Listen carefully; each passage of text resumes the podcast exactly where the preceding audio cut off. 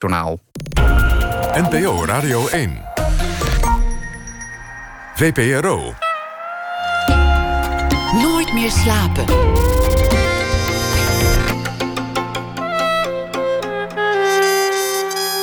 Met Pieter van der Wielen. Goedenacht en welkom bij Nooit meer slapen. Zometeen na één uur de week van Erik Corton. Hij hield voor ons een audiodagboek bij. Hij heeft een eh, bandrecordertje of een ander apparaatje de hele week met zich meegedragen om ons te vertellen hoe zijn week eruit ziet. Het is uh, aan de vooravond van zijn solovoorstelling Ma. Persis Bekkering komt op bezoek vanwege haar debuutroman Een heldenleven. Dat gaat over een klassiek violist. Hij leidt een heldenleven. Hij speelt perfect, maar misschien wel te perfect. En komend uur is de gast Serge van Vechel. Hij is regisseur en artistiek leider van Opera Today. Hij boekte de laatste jaren daarmee een paar prachtige successen. Eindejaarslijstjes, mooie recensies, dat soort dingen. En nu brengt zijn gezelschap het stuk Hamlet op de planken. Naar Shakespeare, maar in de versie van een 19e-eeuwse Franse componist, Ambroise Thomas. En het is een uh, vergeten meesterwerk. Serge van Vechel die werd geboren in 1975, groeide op in Brabant, studeerde Nederlands en richtte tien jaar geleden samen met anderen het gezelschap Opera Today op. Welkom, Serge van Vechel. Welkom. Uh, nee, dat hoor jij te zeggen. Ja, nou ja. Dank je of zo, wat zeg je dan? Dank je. Fijn kunnen. dat ik er mag zijn. Of, of, gewoon, uh, of gewoon knikken, mag ook. Ah ja, bij deze. Wanneer, leerde je de opera eigenlijk kennen? Wanneer kwam het in je leven? Was dat er thuis al? Nee, eigenlijk uh, helemaal niet. Uh, ik, ik ben, uh, mijn moeder is een uh, Freddie Mercury adept. En, nou, dan ben je er al bijna, toch? Ja, dat is wel heel dichtbij, ja. Is Night at the Opera, natuurlijk het grote album van, van Queen. Met dezelfde subtiliteit en ingetogenheid. En, ja, ja, dat is allemaal heel, ja, heel voorzichtigjes gedaan. Um, en, uh, maar het was zo dat ik, ik uh, eigenlijk dus in die zin niet een klassieke opvoeding heb gehad, maar dat ik uh, vanuit het schooltoneel eigenlijk vaak naar het theater ging. En, en toen vond ik dat ik een keer zoiets als een opera meegemaakt moest hebben. En en dat is de avond geweest waar al mijn fundamenten onderuit zijn getrokken. En dat, dat, dat, dat, dat, er gebeurde daar iets wat ik gewoon niet kon bevatten. En dat begon al met de eerste strijkersklanken die, die uit die orkestbak omhoog kwamen dwarrelen. Dat zo dicht op je huid komt, de akoestische strijkersklank. Ik wist gewoon niet wat dat was. En toen ging het doek open en toen kwam er gelukkig een toneelbeeld op me af. Een soort van, van gestileerde moderne wereld die ik prachtig vond. En zeg maar, die twee dingen samen, dat was eigenlijk al erg veel van het goede. En dan krijg je ook nog muziek muziek van Verdi. Verder dat hele stuk door. Je krijgt uh, een verhaal, een vertelling die interessant is. En dat allemaal samen. Dat was een soort. Ik zou dat een gateway experience willen noemen. Dus je hebt uh, dat in de ruimtevaart of zo heb je van de. Heb je dat je door een wormhole, dus door een, door een wormgaatje, kun je, een, uh, kun je dan ineens zo in een ander universum terechtkomen. wat je nog helemaal niet kende. Dat is voorlopig nog theorie, hè? Maar dat, ja. in de theorie kan dat. Nou, ik ja. zal je vertellen, het is uh, door mij bewezen dat het bestaat. Want, Want zo, zo groot was het. Het was ja, een ander universum. Zeker. En ik heb niet geslapen die nacht, weet je wel. En ik heb dat de volgende dag van de radio opgenomen. Uh, toen het in een andere stad stond, uh, diezelfde La Traviata. En uh, dat bandje ben ik blijven luisteren. En zo heb ik mijzelf eigenlijk opera aangeleerd. En ook dat opera zingen, wat ik dan nog eigenlijk misschien wel het lastigste aspect in eerste instantie vond van, van de opera. dat, dat heb ik me helemaal eigen gemaakt daarna om dat te begrijpen, om dat te ondergaan. Ja, dus om die, omdat het is natuurlijk toch een beetje een soort... ze zeggen altijd rode wijn die je moet leren drinken. En uh, het is toch een soort code van hoe je je uitdrukt. Dus je moet een beetje die, die, die taal leren kennen. En natuurlijk de muziek en de melodie... en die, die, die, die, die komt in eerste instantie meestal al direct binnen.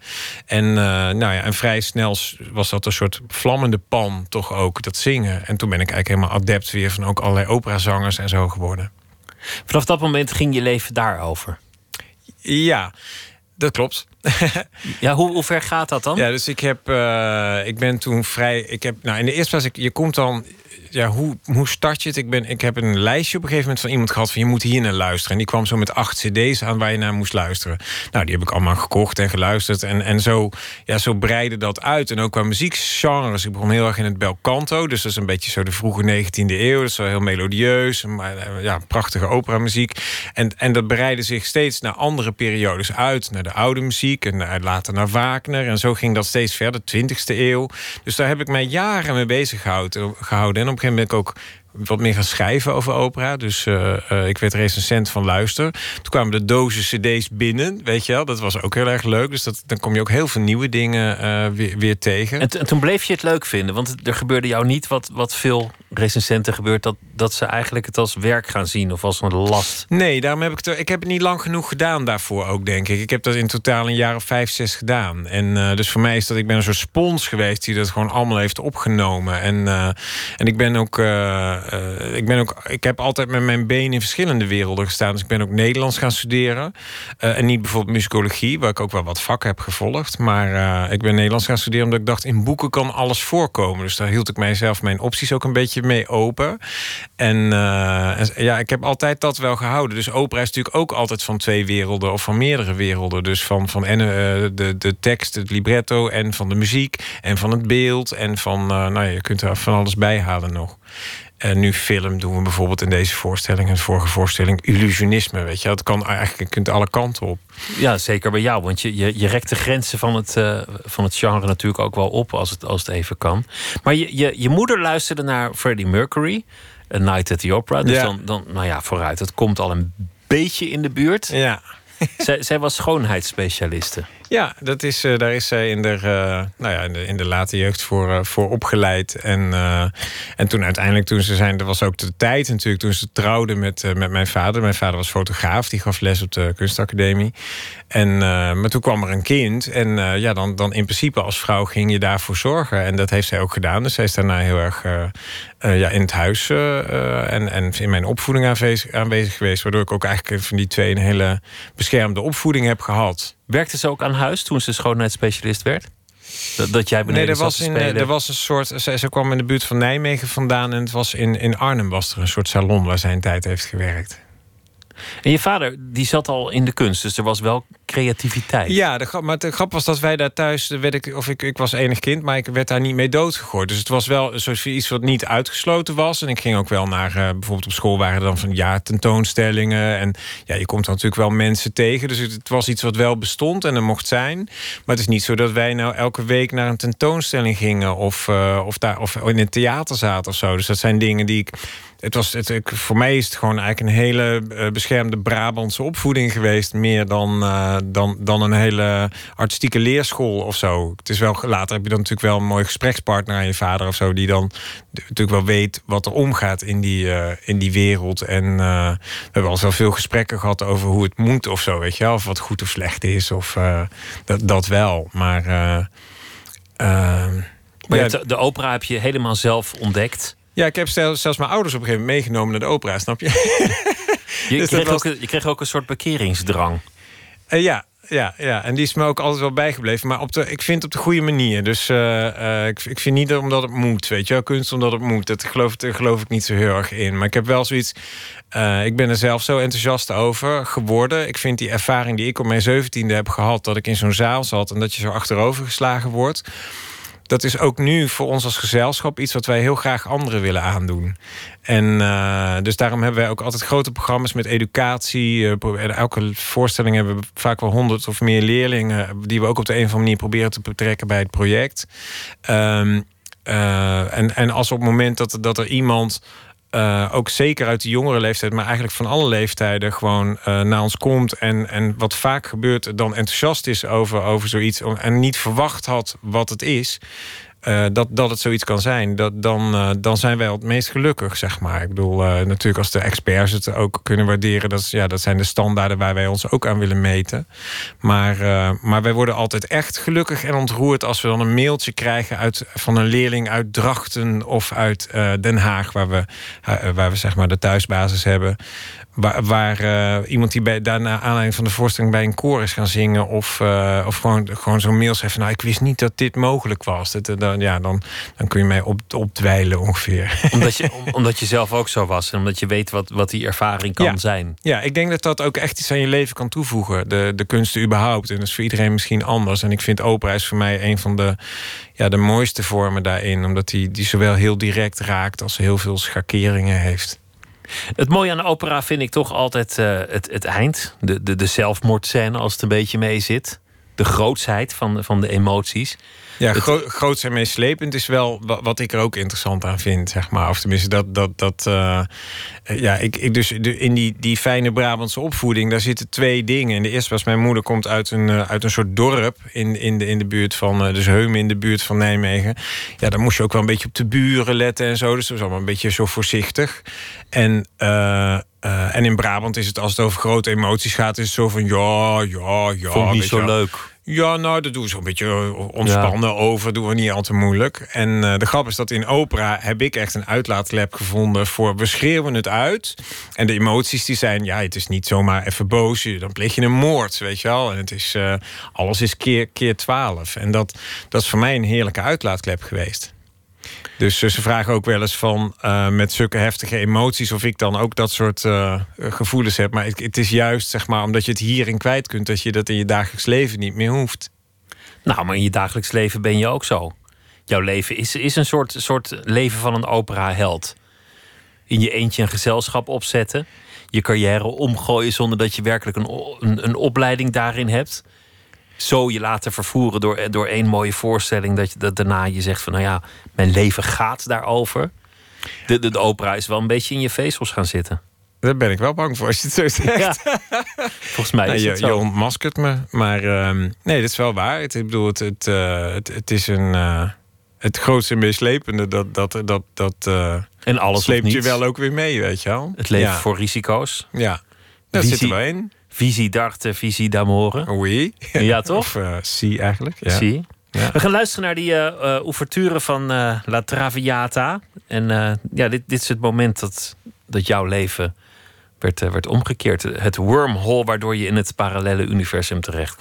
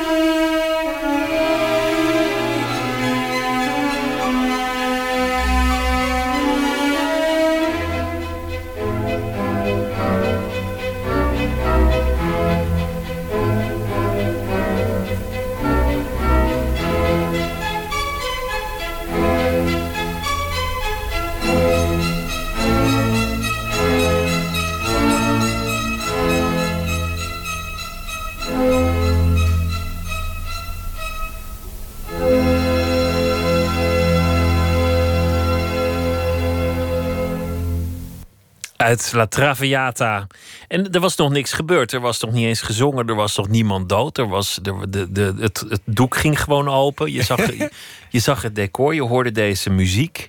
En, en, en dit, was, dit was al het moment dat het. Nee, toen was het, het was, en het was niet eens bij het einde van deze ouverture. Het was echt de eerste 15 seconden. Omdat er de ervaring van een. Als, als, als je er nooit naar een orkest geweest bent of naar een, naar, een, naar een opera in die zin of zo. Puur de ervaring van die klank live. Dat is iets on, onbeschrijfbaars. Dat is een beetje vergelijkbaar met in een koor zingen. Als je, een keer, als je je stem gaat samenvallen met die van anderen. Dat zijn van die momenten die, die kun je haast niet beschrijven. Dat is als de geur van uh, iets heel lekkers. Ja, moet een fantastische metafoor nu klaar hebben van wat heel lekker ruikt. Maar, maar je kunt het zelf voor iedereen dan uh, mooi invullen. Maar, hoe beschrijf je muntgeur bijvoorbeeld of zo? Ja? Maar het, het, zoiets had dat, dat dat zo dicht op je huid komt en je zo um, ja, mee kan slepen of een soort uh, ja, magie. Het, een soort de Philosopher's Stone, zeg maar, is dat eigenlijk. Dat, dat je dus het eh, de, de alchemie, zeg maar, wordt hier bedreven. Dat er iets door, wat gewoon door snaren en, en, uh, en, en, en strijkstok uh, en haren daarop wordt, wordt gedaan, of darmen, daar, uh, dat daar ineens iets tot stand komt wat gewoon iets is wat er eigenlijk niet bestaat. Dat, dat heeft iets, is iets wonderbaarlijks. En dat vind ik van zingen ook trouwens. Dat je, dat je met je stem alleen zoveel teweeg kunt brengen. Ja, ja. ja. En uh, en hoe meer ik nu met zangers werk en ook de manier waarop wij daarmee werken, hoe meer je daar ook uh, door, door in de ban van raakt. Want uh, uh, als, je, als je kijkt bijvoorbeeld, dat is natuurlijk mijn, mijn collega, de, de dirigent en de muzikale leider, Hernan Schwartzman, en, en het ensemble waarmee we werken in, in deze productie, uh, Emblem Stan, is daar de, de, artistiek leider van. Die doen, hebben ook heel veel onderzoek gedaan naar hoe er gezongen werd in de tijd dat het stuk werd uh, uh, geschreven. Dus die Hamlet-opera. Ja, hoe kom je daar ooit achter? Want er zijn, nou, er zijn geen is, opnames. Nou, die zijn er wel. Echt waar? De, ja, dus dit is uit de tijd, dus de begin 1900... Uh, zijn, komen de eerste opnames tot stand. En dat betekent dat van de zanger die Hamlet... Uh, uh, ooit in première bracht. Daar zijn opnamen van. Er zijn van Nelly Melba, wat voor Thomas zijn favoriete Ophelia was. Uh, daar zijn opnamen van in die rol. Uh, uh, er zijn veel teksten over geschreven. dat is uit alle tijden wel zo. Maar hier heb je ook echte opnames erbij.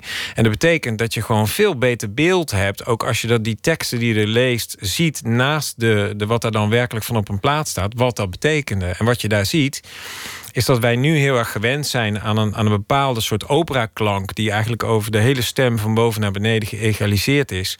En uh, ja, met een bepaald soort... Uh, perfectie eigenlijk haast wordt er een klank neergezet. Maar als je terug gaat luisteren naar die oude platen... waren dat veel meer acteurs met hun stem. Die waren veel dichter eigenlijk bij een soort natuurlijk zingen... waarin uh, ook alles veel meer gekleurd werd. En dat je bijvoorbeeld je borststem als, als sopraan ook heel erg kon inzetten... om, om iets kracht bij te zetten of het donker te laten klinken. Terwijl uh, sommige dingen konden echt waanzinnig en een beetje gek klinken. En, uh, en, en, en zo zijn wij nu ook steeds meer met zangers aan het werken... waardoor je ook, um, ook weer veel dichter komt bij de echte expressie van die mensen. En, uh, uh, en dat blijft gewoon een eindeloos fascinerend verhaal over de jaren heen. En uh, waar ook nog heel veel te halen is, denk ik. Maar dit is maar één, één aspect van, van het regisseren en het maken van een opera. Nu heb je het over de zang. We zouden het kunnen hebben over, over het decor, over de, over de kostuums, over uh, de interpretatie van het stuk, zeg maar meer als, als de theatrale kant over, over het orkest. Nou, je, je kan eindeloos ver gaan. En al die dingen kunnen allemaal misgaan. Dus, dus het, het is van, van alle, alle toneelproducties die je kunt maken, denk ik de moeilijkste, de meest ingewikkelde, de meest bewerkelijke. Je, je was recensent, je had Nederlands gestudeerd en op een dag dacht je, ja, ik, ik, ga, ik ga het toch gewoon doen. Ik, ik wil opera regisseren. Ja, ik heb nog een hele omweg gemaakt uh, die heel belangrijk en ook vooral heel erg leuk was. Uh, via de organisatiekant van de muziek. Dus ik heb uh, vanuit dat schrijven ben ik eigenlijk bij het Rotterdam Philharmonisch in eerste instantie terechtgekomen. Uh, waar ik dan de inhoudelijke man op de afde marketingafdeling was. Toen na twee jaar, toen was eigenlijk het Gerkenfestival was een soort van fase waarin het niet duidelijk was of dat door zou gaan. Toen heb ik vier kantjes papier neergelegd. Volgens mij moet het zo. En toen was ik ineens coördinator en, van het Gerkenfestival. dus met de onder leiding natuurlijk van een van de beste dirigenten ter wereld, Valery Gergiev. En ik mocht gewoon daar dat. Ik heb heel, het hele programma van een heel groot deel ingevuld. Ik heb uh, suites samengesteld. Ik heb uh, randprogramma's ontwikkeld. Ik was verantwoordelijk voor marketing, productie enzovoort. Ik heb al die dingen gedaan. Want natuurlijk nu een fantastische achtergrond is om ook zo'n gezelschap neer te kunnen zetten. Want dat, ja, dat is ook nog wel een soort ingewikkeld aspect weer van het. Het is ook het produceren van die opera is natuurlijk niet heel makkelijk. En het geld bij elkaar brengen enzovoort. En, uh, maar ik heb dat gedaan. Daarna ben ik nog hoofdmarketing van de doelen geweest. Uh, en in die tijd heb ik nagedacht van... ja, wat wil ik nou eigenlijk met mijn leven? En toen was ik uh, iets van 31 of zo. En toen, en toen dacht ik, ja, ik wil eigenlijk opera regisseren. Maar toen dacht ik, ja, maar wat weet ik daar nou van? Ik bedoel, ik had wel op dat moment heel Europa rondgereisd... en in Nederland gewoon een, een, een heel Maar- veel maar- dingen gezien. Leg me uit hoe het gaat. Hoe, hoe, dat, hoe dat in zijn werk gaat. Waar je was, hoe het er rook. wat het moment is dat zo'n gedachte zich in je hoofd Nou, dat plant. ging als volgt. Dat je hem voor het eerst durft uit te spreken, ja, hardop. Ja, ja. Nee, dat ging zo. Dat, eh A, ik had altijd wel... eh, als ik opera's luisterde, dan, dan luisterde ik meestal naar cd's. En ik had er een boekje bij waar de tekst in stond. Dus dat betekent dat je de rest er zelf bij moet voorstellen. Dus ik had daar altijd ideeën bij. En het was ook zoals ik naar voorstellingen keek... dan dacht ik altijd van... oh ja, maar als je nou dit doet of dat doet... of je zou je niet zus, weet je wel... of ik zou het anders doen. Zonder dat dat nog een richting had. Of ik had daar geen podium of bestemming eh, voor. En toen op een gegeven moment dacht ik van... oh ja, maar misschien moet ik dat eens serieus gaan nemen. Die gedachten die ik daarbij heb, om dat dan gewoon te gaan doen. Want volgens mij is dat het. Dat is wat, wat het regisseren uiteindelijk is. Is dat je zo'n plan hebt en dat je daar dan mee aan de slag gaat. En toen heb ik mijzelf, eh, dus heel concreet, hoe ging dat? Toen dacht ik, ja, maar ja, dan moet je wel ook voor hele moeilijke dingen moeilijk, eh, mooie, mooie, oplossingen verzinnen. En toen had ik bijvoorbeeld Salome's dans in mijn hoofd. Dus in de opera Salome zit een, de dans van de zeven sluiers, die zeven minuten duurt. Dat is eigenlijk een soort. eh, dus dus de, de, de, de beroemde operaregisseur Harry Koefer zei ooit tegen mij. eh, daar had hij een oorvijg voor moeten krij- krijgen. Dus een, een oorveeg, omdat dat nooit in dat stuk had gemoeten. Omdat het een heel ordinair ding is wat ineens helemaal niet in dat stuk past. Maar ik dacht wel, ja, je moet het wel oplossen. Je kunt daar niet een meisje op sturen met zeven, zeven doorzichtige eh, lapjes en die dan af laten halen. Ik bedoel, daar is zeven minuten met die muziek niet interessant genoeg voor. En toen heb ik mijzelf eh, de uitdaging gegeven: ik moet hier een concept voor ontwikkelen. En als dat. Als, als het mij dat lukt, als ik iets kan maken voor die hele Salome, waarbij die dans ook zeg maar, tot zijn recht komt, dan, eh, ja, dan, eh, dan geloof ik er zelf pas in. Maar gewoon puur theorie was dit Puur nog. theorie, ja. Ik moet, Gewoon in, in, in je hoofd of op, thuis, gewoon, waar was het? Het was in mijn voorkamer. En eh, toen, toen eigenlijk, grappig genoeg, het eind van die middag had ik dat concept. En toen dacht ik, ja, maar dit moet ik gaan doen. En dacht ik, maar ja, je begint natuurlijk niet met Salome, wat een van de grootste stukken is. Dus ik dacht, dat doen we over tien jaar. Ik ben nu tien jaar verder en ik denk nu ook, we doen het over tien jaar. Weet je Dus, wel? dus die Maar- is nog niet eens gebeurd. Nee, is nog niet eens gebeurd, nee. Nee, nee. Dat komt wel een keer. Maar als je die stap voor het eerst hardop uitspreekt, dat is dan waarschijnlijk tegen, tegenover je geliefde of je beste Ja. vriend of je moeder. Ja, en dan, ik heb er zelf een jaar over gedaan om het überhaupt serieus te nemen. Omdat je denkt toch van, ja, maar ik heb daar geen opleiding in. En eh, ja, hoe moet dat dan? En, en toen dacht ik na een jaar van, dacht ik, ja, toen zag ik gewoon eh, collega's met wie ik gestudeerd had, die, die hun eerste baan, eh, met hun eerste baan bezig waren. En toen dacht ik, ja, ik heb dan net even drie stapjes wat sneller nu gezet aan die organisatiekant. Maar, maar waarom? Ik zou ook gewoon opnieuw kunnen beginnen. En, eh, en, toen, en dan, heb je- dan, dan ga je natuurlijk, dan heb je natuurlijk duizend gedachten over hoe dat allemaal moet. Eh, en je denkt ook nou dat als het helemaal misloopt. En toen kwam ik eigenlijk achter dat ik dacht: ja, maar als het nou helemaal misloopt, dan heb ik nog heel veel boeken staan die ik nog wilde lezen. Die heb ik al, zeg maar, die hoef je niet meer te kopen. Eh, er zijn in dit land voorzieningen voor bedacht. En het is ook zo dat als je dan een beetje energie erin stopt, dat er wel weer iets zal komen. Dus ik had gewoon een soort heel idee van hoe het als het allemaal mis zou gaan, dat dan toch wel weer niet zo mis zou gaan. Misschien. Als het misgaat, hoef je je niet op je zwaar te storten of, of, Ja. of een patroon door je eigen hoofd te schieten. Zoals, Juist. zoals op het podium bij de opera wel gebruikelijk zou doen zijn. En, eh, dus dat maar wat voor termijn denk je dan aan? Als je, als je dan begint, zeg je dan van oké, ik, ik probeer het één keer, kijken of het lukt. Nee, ik heb toen eh, tegen mezelf gezegd... eh, dus ik ben toen begonnen met het zelf doen en het assisteren enzovoort. En ik heb toen, dat na een jaar of zo daarna weer... was ik eraan toe mijn baan op te gaan zeggen. Dus in totaal heeft het allemaal drie jaar geduurd, denk ik. En toen ik mijn baan opgezegd had, toen heb ik tegen mezelf gezegd... dit ga ik tien jaar doen. En al, al is het de ene flater naar de andere, je moet ergens vlieguren opbouwen. Dus, dus je, je kunt bij opera, je moet helaas moet je het project gewoon helemaal doen. Je kunt niet thuis opera gaan zitten maken. Dat slaat nergens op. Je hebt geen zangers thuis rondlopen, je hebt niet een theater, je hebt niks. Dus ik heb gewoon bedacht, ik ga dit doen. En ik, ik, ik, over tien jaar praten we verder. Daartussendoor gaan we het gewoon allemaal doen. En uh, daar heb ik mij aan gehouden, want we zijn nu uh, tien jaar verder. Exact en, uh, tien jaar? Exact tien jaar, ja. En de grap is dat ik dacht dat ik dan tien jaar verder... wel, dan zou je wel weten hoe het zit. En ik heb besloten dat hoe het zit is dat je deze lerende opstelling moet vasthouden. Want het is altijd anders. Er is geen, je, je leert alles en veel en elke productie weer bij. Maar je hebt nooit uh, kant-klare antwoorden op het probleem wat weer de volgende dag uh, of bij de volgende productie zich aandient. En sterker, het is juist artistiek dat je de uitdaging weer opzoekt van nieuwe uh, problemen, zal ik maar zeggen. Of van nieuwe verhalen, nieuwe vormen, nieuwe. maar het heeft zich bewezen, want, want, want je staat dan bij de, de lijstjes van de vijf beste voorstellingen van, van het afgelopen jaar. Of de, de, de jubelrecensies en, en dat soort dingen. Lof van mensen uit het vak met, met, met prachtige complimenten. Dus er is niemand die nu nog zal zeggen: het is een experiment en straks gaat Serge een echte baan zoeken. die, die fase is voorbij. Dat begint minder te worden misschien, ja, ja. Maar goed, dan kan je zelf toch nooit helemaal geloof of mee vereenzelvigen. Ik bedoel, je hebt daar zelf ook je beeld voor. Voor mij is het is niet door mij verzonnen opmerking, maar elke voorstelling is je revanche op de vorige. Dus dat, dat, dat herken ik heel erg. Is dat je dan denkt van, oh ja, dan zou ik nu naar deze zou ik toch iets meer nog dat er uh, beter willen krijgen. En zo, zo gaat dat altijd maar door. Dus uh, het, ik vind juist, ik vind het zelf heel waardevol die leer, lerende opstelling om dat te bewaren. Dat ja, dat is geloof ik wel de waarheid, zeg maar. Meer dan het weten hoe het zit. Want dan wordt het saai volgens mij, ook artistiek. Dat je dan denkt van, oh ja, die kans is er wel. Hè. We hebben een voorstelling gemaakt waar ik nog steeds op word aangesproken in 2012. Uh, een locatievoorstelling, wat ook echt mijn, mijn favoriete baby is qua, qua projecten.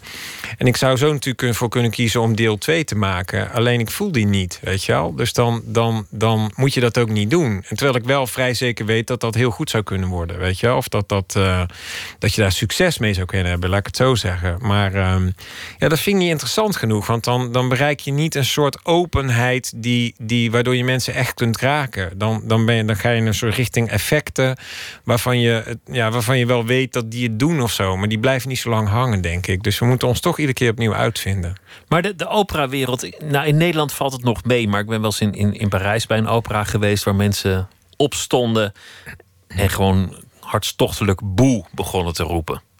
En dan ook een beetje om zich heen kijken van, van nou, zie je wel, ik heb er verstand van, ik roep heel hard boe. Het is, het is in die zin een meedogenloze wereld, een strenge wereld. Ja. De lat ligt onvoorstelbaar hoog. En mensen, mensen pikken het gewoon niet als iets niet lukt. Nee, maar wij, uh, in de eerste plaats, wij veranderen de spelregels. Dus dat, dat, dat, dat geldt niet voor jullie. Nou, die, dus die, de, die, dat wat jij beschrijft is een circuit wat, waarin een stuk of 50 titels uh, de hele tijd worden gespeeld. En uh, waarbij al die mensen in de zaal zitten, al die titels ook al minstens drie of vier keer hebben gezien, als het niet twaalf keer is. Dus er zeg maar zelf ook al binnenkomen met hun traviata. En op het moment dat iemand dan afwijkt van de norm die zij daarbij hebben, daarop reageren. Het is overigens een hartstikke leuk spel. Ik bedoel, dat, dat, de, die, die, dat boeroepen van die mensen geeft de totale betrokkenheid van die mensen aan. Dus is natuurlijk eigenlijk heel erg leuk. Um, uh, en zeker in Italië. Volgens mij vonden die mensen op dat podium dat helemaal niet zo heel erg leuk. Nee, dat is ook zo. Maar, dat is, dat, maar omdat je dat dan in feite persoonlijk neemt. En uh, uh, terwijl je dat eigenlijk niet zou moeten doen. Want het, het, ja, je, je, je, je doet dat op jouw manier. En als je het goed is, sta je daarachter. Dat is heel moeilijk hoor. Dat snap ik ook wel. Als ik, als ik dat op me af zou krijgen, zou ik dat ook, zou ik er ook een jaar over doen om dat te verwerken. Maar uiteindelijk is het ook de, is het gewoon de bril waardoor die mensen in de zaal kijken, die bepaalt hoe een reactie wordt. Eh, maar daar zit wel een totaal commitment in. Je hebt in Nederland ook natuurlijk eh, veel mensen. Ik, bedoel, ja, ik zie ze ook vaak. Die een grote mening na afloop. Maar ze zijn er wel altijd. Weet je wel, ze zijn wel altijd. Ze komen wel overal naartoe. Ze volgen het wel. Ze kunnen ook thuis blijven en diezelfde CD weer opzetten. Die ze dan blijkbaar heel mooi vinden. Dus, dus ik heb daar altijd wel toch heel veel waardering ook voor gehad. Maar jullie doen af en toe dingen die, nou ja, die, die echt moedig zijn. Ik bedoel, dat is iets anders dan. dan uh, Mozart uitvoeren in, in, een, in een bouwput met een, met een soort bulldozer op het podium. Daar hebben we het niet over. Maar een compilatie maken van verschillende opera's. Ja, maar dat bedoel ik met de spelregels veranderen. Als het ware een nieuwe opera. Dus een opening en dan een sterfscène en een liefdescène. Maar allemaal uit een andere opera afkomstig. Ja, en dat zijn precies de momenten. En ook in die andere voorstelling die, die ik net noemde, daar hebben we bijvoorbeeld een soort cabaret met opera gecombineerd.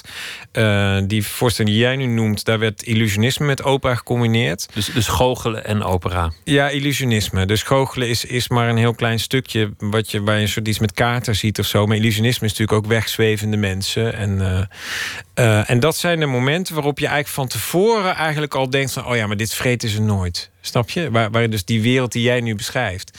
En de grap is dat die wereld eigenlijk uh, en, en, A, maar heel klein is. En B, er is een hele grote wereld daarbuiten... die niet zo makkelijk toegang uh, tot opera per se heeft.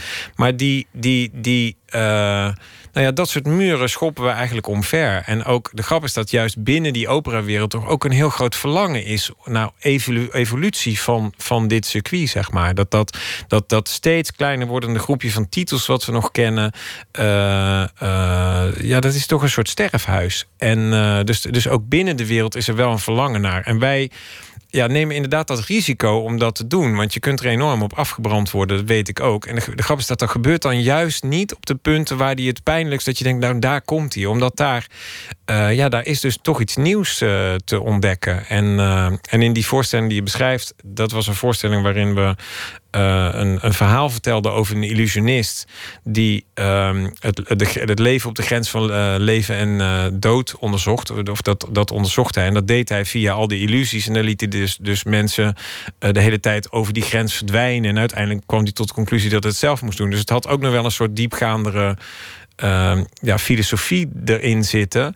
En het, het was ook een, een, een, uh, een samenbrengen van heel veel verschillende opera-scènes. Maar het werd wel een nieuw geheel. En, en het is wel altijd, altijd ons streven om, uh, om dat echt zo'n project dan weer aan één spijker kan hangen. En toch weer helemaal in, intern coherent is, zal ik maar zeggen. En al die genres en dat er allemaal samen gaat smelten tot, tot één geheel. En, en dan is het ook wel weer ja, dan, dan, kun dan heeft het ook alweer zijn toegevoegde waarde in die, in die operawereld. En wordt het zelfs wel een beetje geaccepteerd door veel mensen. We gaan luisteren naar een, uh, een, fragment uit uh, de opera die jullie nu aan het doen zijn. Maar niet door jullie, maar een, een andere opname. Uit de versie van, van Hamlet door Thomas. Dit is gezongen door Julian Anderson. En dit is de, de scène waarin Ophélie gek wordt.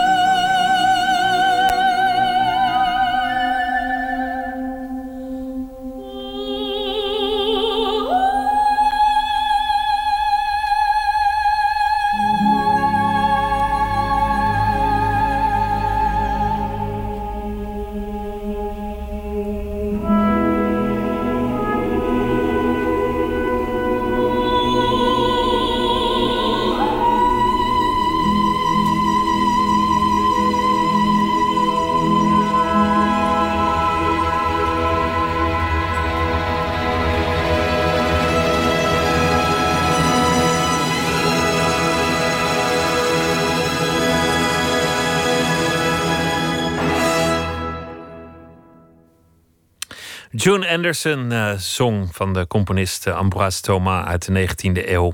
En uh, tegenover mij zit Serge van Vechel van Opera Today. Hij is opera-regisseur en de artistiek leider. En zij brengen de versie van Hamlet van Thomas op dit moment op de planken. vertel eens over dit stuk. Nou, als je het net gehoord hebt, dan kun je toch niet voorstellen dat het 100 jaar niet te horen is geweest in Nederland. Toch is dat zo? Ja, toch is dat zo.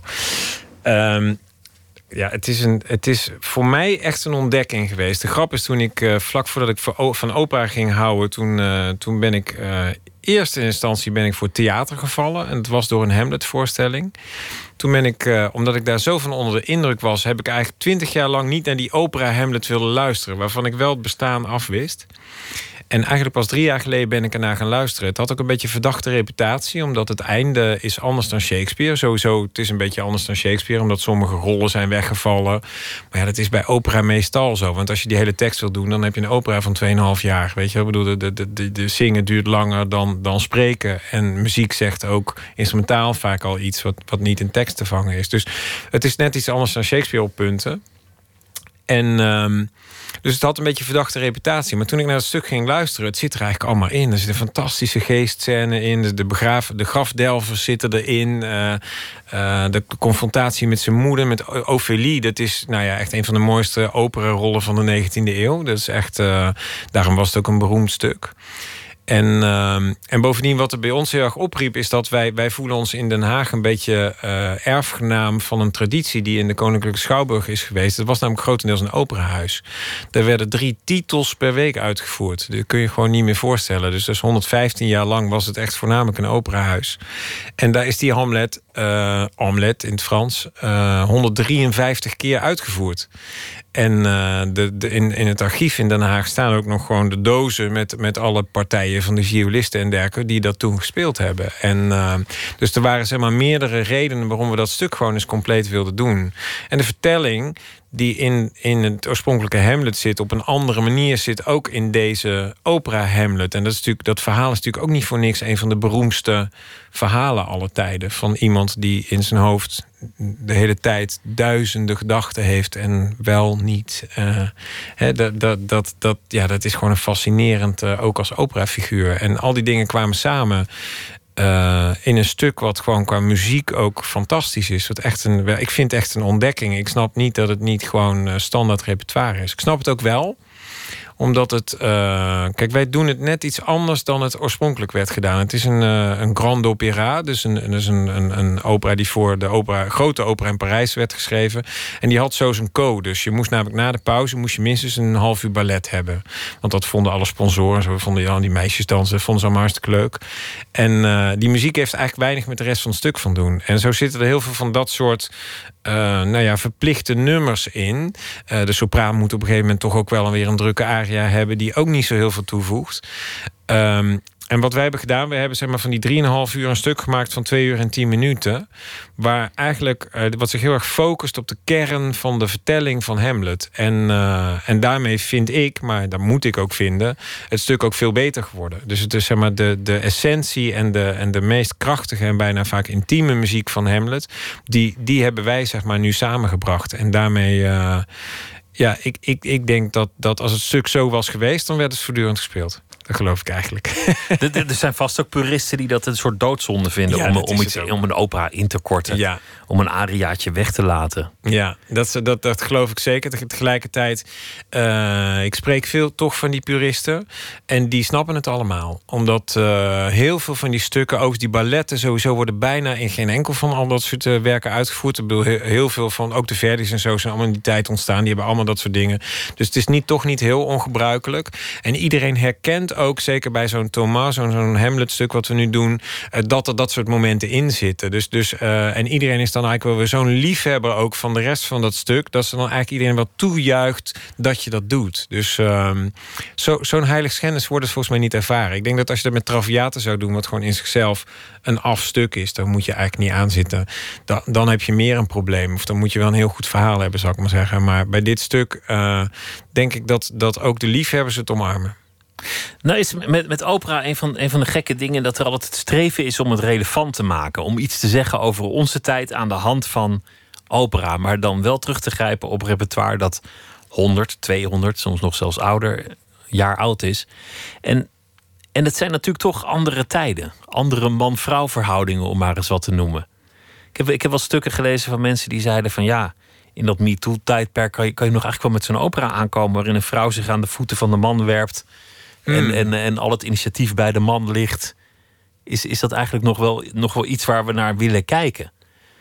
En, en ik, ik vond aan de ene kant een ridicule mening, maar aan de andere kant zet het je wel aan het denken. Is, is het wel iets dat, dat je weer, weer, weer scherp krijgt? Nou ja, ik moet zeggen, die vraag stel je bij elk stuk natuurlijk weer, ehm, weer opnieuw. En ik moet zeggen, dat stel je voor, je zou nu Don Giovanni programmeren.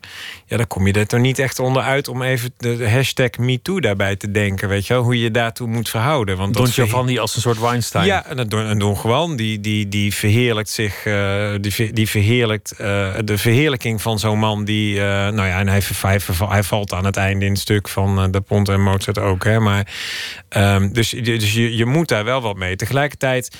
Ehm, als je dit zegt, van goh, is zo'n opera dan wel relevant? Wat zijn sprookjes dan? Dus eh, Hans en Grietje of eh, eh, noem ze allemaal maar op. Het zijn allemaal eigenlijk essentiële aspecten van ons emotieleven. Waar, die we in vereenvoudigde, uitvergrote vorm eigenlijk neerzetten. En dat gaat, dat kan, en in opera zijn dat, is dat bijvoorbeeld liefde, haat, wraak, Eerzucht. Nou ja. dood, eer, zucht enzovoort. En dat.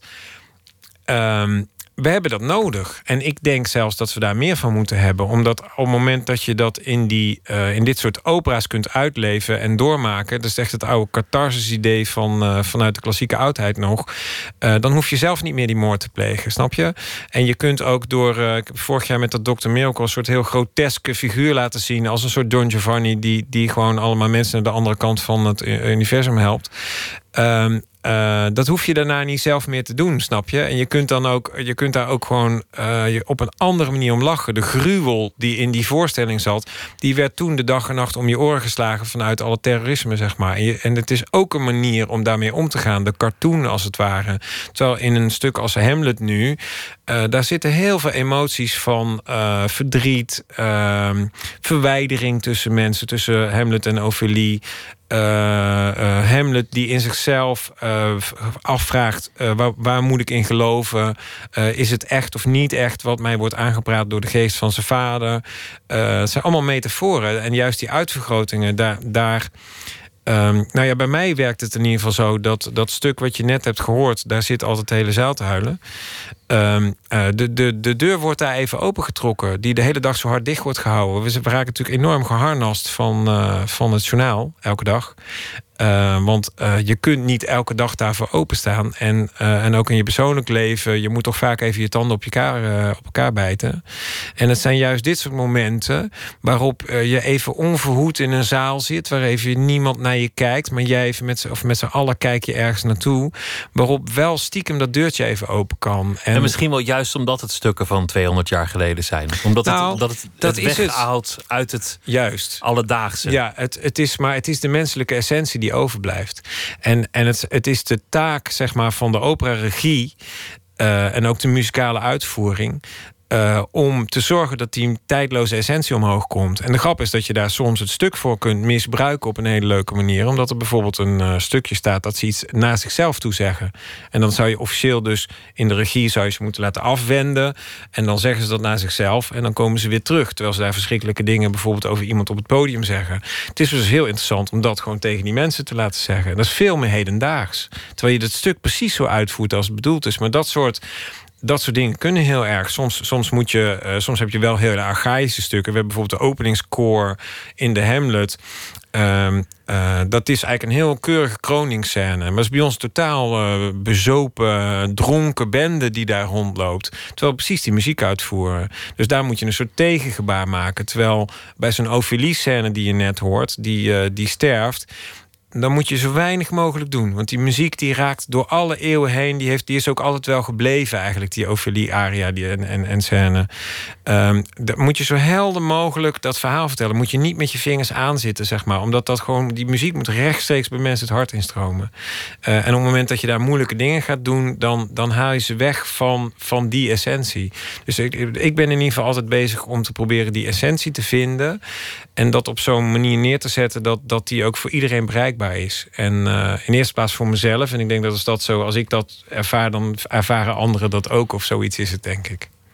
Ik, ik, ik, ken heel veel anekdotes over, over opera met name. Ook wel over andere theatervormen. waarin er iets misgaat. Als de bloepers komen. De, de mooiste is een, een, eh, een, een zanger die werd ontslagen. Kort voor hij het podium op moest. Ze hadden gezegd, nou maak deze nog af. Maar we hebben eigenlijk iemand anders, want die vinden we beter. En die was zo boos. Zijn enige rol was het podium opgaan. En iemand vermoorden waarna het stuk verder ging. Maar hij, hij was zo woedend dat hij het podium opliep en, en zei: Ach, weet je wat, ik laat je leven. en liep weg en de rest moest dat oplossen, wat natuurlijk heel, heel lastig is. Oh, ik ken er ook wel een, ik ken er wel meer misschien, maar uh, de beroemde Tosca uit de jaren twintig in, uh, in uh, de Metropolitan Opera in New York, waar Tosca van de Engelenburg aan het einde afspringt en via de trampoline weer omhoog komt achter. dat soort dingen, ja. Zijn, zijn het ook nachtmerries voor een opera-regisseur? Zoveel dingen waar je rekening mee ja, moet het zijn, houden? Ja, ja, ja, eigenlijk wel. Dus, dus mijn uh, vriendin wil niet meer naast mij zitten in de zaal. Dus, want jij zit je op te nee, vreten. ik zit bij elke seconde. Oeh, uh, dat, nee, ja, dat als, een, is echt als een sportwedstrijd. Vreselijk, ja, vreselijk. Ja, ja. En ook tourneren, dat doen wij ook. Wij reizen dan van het een naar het andere gebouw. En elke zaal is anders. Ik bedoel, de lijst is iets breder of zo. Dus je zit eerst een half uur te kijken. En je denkt, ja, wat klopt hier niet, weet je wel. En heeft niemand last van, behalve ik. Ik bedoel, de, de, de, de, de, voor het normaal publiek, uh, weet je dan, dan, dan is dat de setting. Maar voor mij is het anders, weet je wel. Dus het, en zo zijn er inderdaad duizend momenten. Maar het is wel omdat het Um, ik, vind, ik heb ook altijd een enorme bewondering voor operazangers. Die kunnen zo ongelooflijk veel aan. Uh, en die nemen al die duizenden keuzes die we samen hebben besloten en gemaakt... zo mee in, in zo'n avond. En die maken hem dan weer helemaal opnieuw. Dus dat, dat, dat is wel een enorme bron van vertrouwen. En natuurlijk ook al die mensen achter het podium. Maar ja, inderdaad, uh, je zit altijd wel met je, met je handen bij elkaar. En ik zie altijd honderd dingen die, die, die, die niet goed gingen... of voor mijn gevoel of zo, weet je wel. Maar, en dan kan je niks meer doen als je in die zaal zit. Nee, nee, dat klopt. We gaan luisteren naar een, stuk uh, uit jullie uh, productie. En dit is ook weer Ovelie.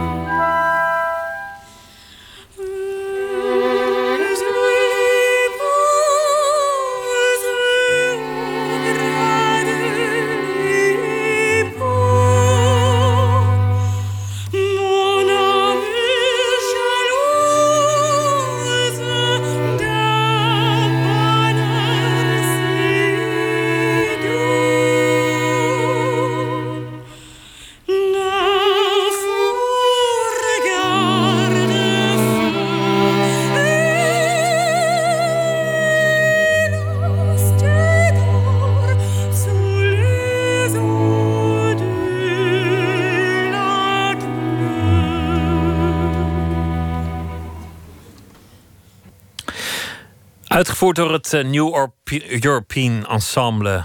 De, de scène Un pâle et blonde. Gezongen door uh, Lucie Chartin was dit, uh, Serge van Vechel. Nou, als, als ik zo die ambities van jou hoor. Want je zei ook nog aan het, aan het begin. Ja, we, we nemen elke avond, laten we honderd plaatselijke leerlingen meelopen in de productie. in de hoop dat er eentje daardoor misschien aangeraakt wordt. Dat eentje Nou. diezelfde ervaring krijgt als ik. Nou, we, dus de, inderdaad, we, we, we, we, dat willen we heel graag, die, die, die, die jongeren aansteken. En we hebben daar eigenlijk ook heel veel vertrouwen in. En wat daarin helpt, is dat, dat de, bijna niemand meer een klassieke opvoeding krijgt. Dus eh, er is ook geen weerstand. Dus eh, best leuk om een keer naar de opera te gaan, weet je wel. Ik bedoel, geen idee wat het is of zo Het, bij die het is leerlingen. niet, niet opgedrongen. Nee, het is niet tegengemaakt. Dus dat, daar zit een hele grote kans. En het genre heb ik, heb ik gewoon vertrouwen in. Want dat, al Wat die- grappig, ik zou dat juist zien als, als, als een soort verlies. Of dat maakt het moeilijk, want Nee, ze kennen het erger. niet. Dus denk even terug aan die hele generatie die elke week naar de kerk moest. En eh, hoe die dan naar orgelmuziek of naar de kerk kijken, weet je wel. Dat is veel erger. En, eh, en hier is het zo, dus hele omnivore kinderen die, die ja, ja, weet je, lopen ze in de foyer. Dus dan, weet je, dat- de, maar, maar het is heel dun. Het is, er zit helemaal niet een diepe afkeer in of zo. En eh, dus de verrassing, eh, die kan vrij eenvoudig bereikt worden. Er hoeft heel weinig muren eerst naar beneden om, om dat te krijgen. En het genre is, heb ik vertrouwen in dat dat, dat, dat, dat kan. Dat, dat, dat is zo, niet bij iedereen, maar, eh, maar best wel. En wat we hebben gemerkt alleen is dat eh, in eerste instantie haalden we wel leerlingen naar voorstellingen. En dan gaven die ook nog een inleiding of zo. Maar dan is er geen klik met podium. Snap je? Je moet dan toch wel een soort. ehm, dat is wel van, erg van deze tijd. Je moet er wel een soort. Moet wel van jou zijn ook. Of je moet er iets mee. Je moet iets kunnen doen of zo erbij. Dat is wel heel erg eh, van nu. En wat we in onze opera Medea hebben ontdekt. En daar. daar ehm, daar hadden we een soort scène waarin de, de koning tegen de, zaal eh, een, een speech gaf. Dat zat ook als een soort tekstscène in de opera.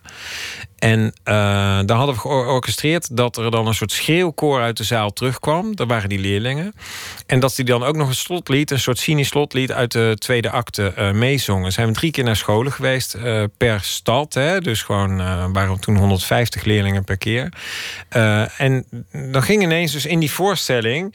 Dus had je torenhoog kippenvel. Omdat er dan naast je een, een jongen van 17 en een meisje van, van, van 17. eh Louis Vals eh Cherubini gingen meezingen. En, eh, maar dat, dat was een indrukwekkend moment voor de rest van de zaal. En de grap was, voor hun was het hun voorstelling. Dus zij gingen niet er naartoe van... goh, nou, wij gaan eens even achteroverleunen... kijken wat ons hier wordt eh, aangeboden of opgedrongen. Nee, zij gingen naar hun voorstelling toe. En dan merkte je ook heel leuk in de zaal... zo kort van tevoren van... oh, het komt, weet je, het is zo, ja, het komt er bijna aan, weet je. Dus die hele sfeer. En we hebben ook eigenlijk nooit problemen in die zin gehad... met onrustige klassen of zo. Dat is heel beperkt. En als ze dan onrustig zijn... ging het eigenlijk altijd over wat op het podium ging. Dus het was een soort relatie met het podium. En die klik zoeken we altijd. En ook in deze eh, productie, we, we proberen dat wel iedere keer op een andere manier te doen. Je wil niet altijd hetzelfde grapje uithalen. Maar, maar het is allemaal, allemaal nog meer werk op je hals. Nog meer ja, zorgen. dat- ja, maar ja, dat is zo. Maar dat, dat, dat, dat moet wel gebeuren. Dat is nodig om, om, om, die, om dat erfgoed levend te houden. Ja, want waar doe je het anders voor of zo, weet je wel? Ik bedoel, ik kunnen- kan voor mezelf dat ik er zelfs die voorstelling kan zien... maar dat is toch niet, niet genoeg, weet je wel? Je moet gewoon... Ja, dit moet wel gebeuren, ja.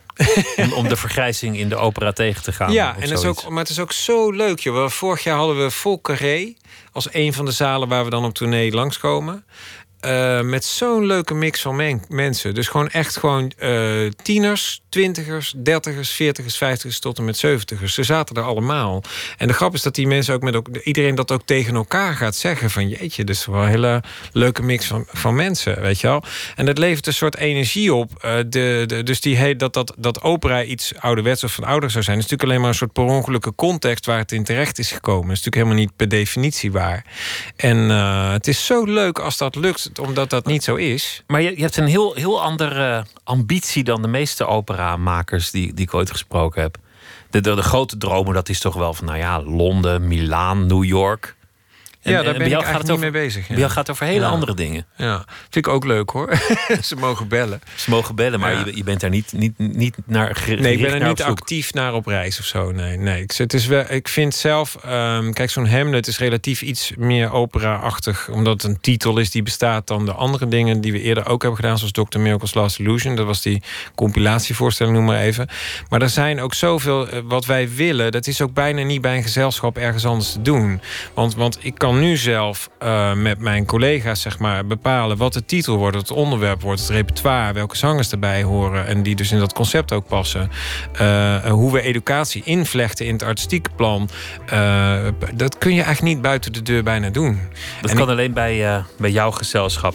Het is te zien in meerdere theaters. Hamlet door Opera Today. Serge van Vechel, dank je wel. Het was me genoeg om je te Heel gast te hebben. leuk, dankjewel.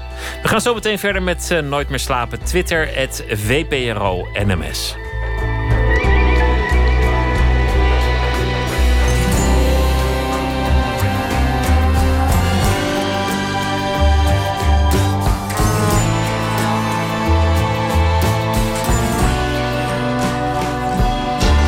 Op Radio 1, het nieuws van alle kanten.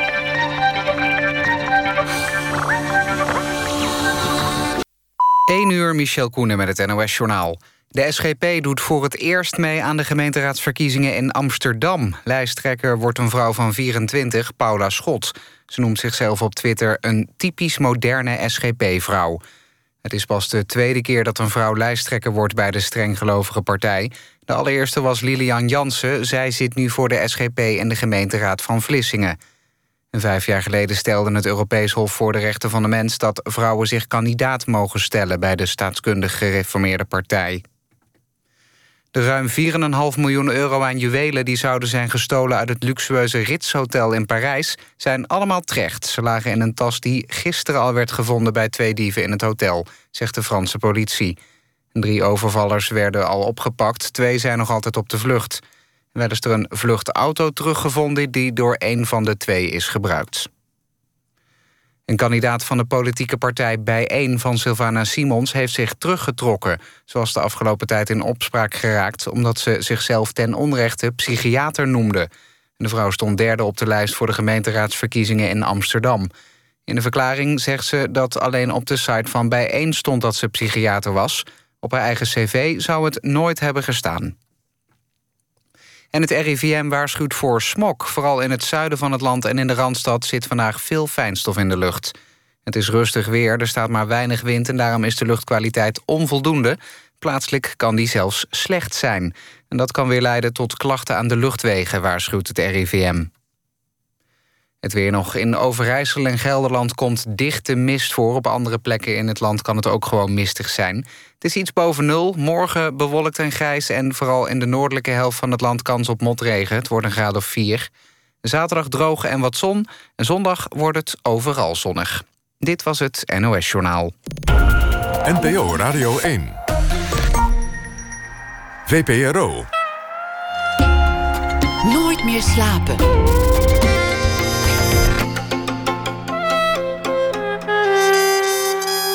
Met Pieter van der Wielen.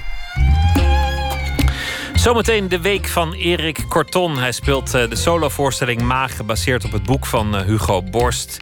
En in de aanloop naar de première hield hij voor ons een audio-dagboek bij. Persis Bekkering komt op bezoek. Zij uh, komt vertellen over haar eerste roman Een heldenleven. Maar we beginnen met Katelijn Schilder. Zij is schrijver en deze week zal ze elke nacht een verhaal maken bij de dag die achter ons ligt. Katelijn, goeienacht. Dag Pieter. Zo, vertel, wat, uh, wat is het vandaag geworden? Nou, ik las vandaag uh, dat komend jaar het laatste jaar wordt dat de papieren, papieren telefoongids verschijnt. Dus ik dacht, dat verdient wel een, uh, een stukje. Verscheen die nog? Ja, ik, had hem, ik heb hem ook al jaren niet meer. Maar hij, hij werd nog 3 miljoen keer gedrukt afgelopen jaren. Nou, dat zijn toch een hoop bomen die eraan gaan. Ja, toch? Ja. En uh, ja, gisteren had ik het over een nogal experimenteel kunstproject... waarin uh, Witte Kool werd voorgelezen uit het werk van Tolstoy. Dus uh, daarom mocht ik vandaag uh, van mezelf gewoon televisie kijken. En de televisie en die gids die leveren een verhaaltje op. Ga je gang. Komt-ie. Als ik ging logeren bij mijn opa en oma en ik had heimwee... dan liep ik naar de gang en zocht ik in het telefoonboek mijn nummer op... Ik kende dat uit mijn hoofd, dus ik hoefde dat helemaal niet op te zoeken. Maar op de een of andere manier hielp het. Mijn familie bestond, dat stond daar zwart op wit... en over een paar dagen zou ik ze weer zien. Als de heimwee heel erg was, zocht ik alle namen van alle families op die ik kende. Ik leerde zoveel mogelijk nummers uit mijn hoofd en daarna ging het weer. Tot zover deze anekdote in verband met het verdwijnen van de papieren telefoongids. Ik was ooit met mijn kinderen in een papiermolen... en ik vertelde enthousiast over hoe dat allemaal in zijn werk ging... en de molen maakte een enorme herrie, dus ik schreeuwde er ook bij. Aan het eind van mijn eindeloze monoloog vroeg mijn dochter...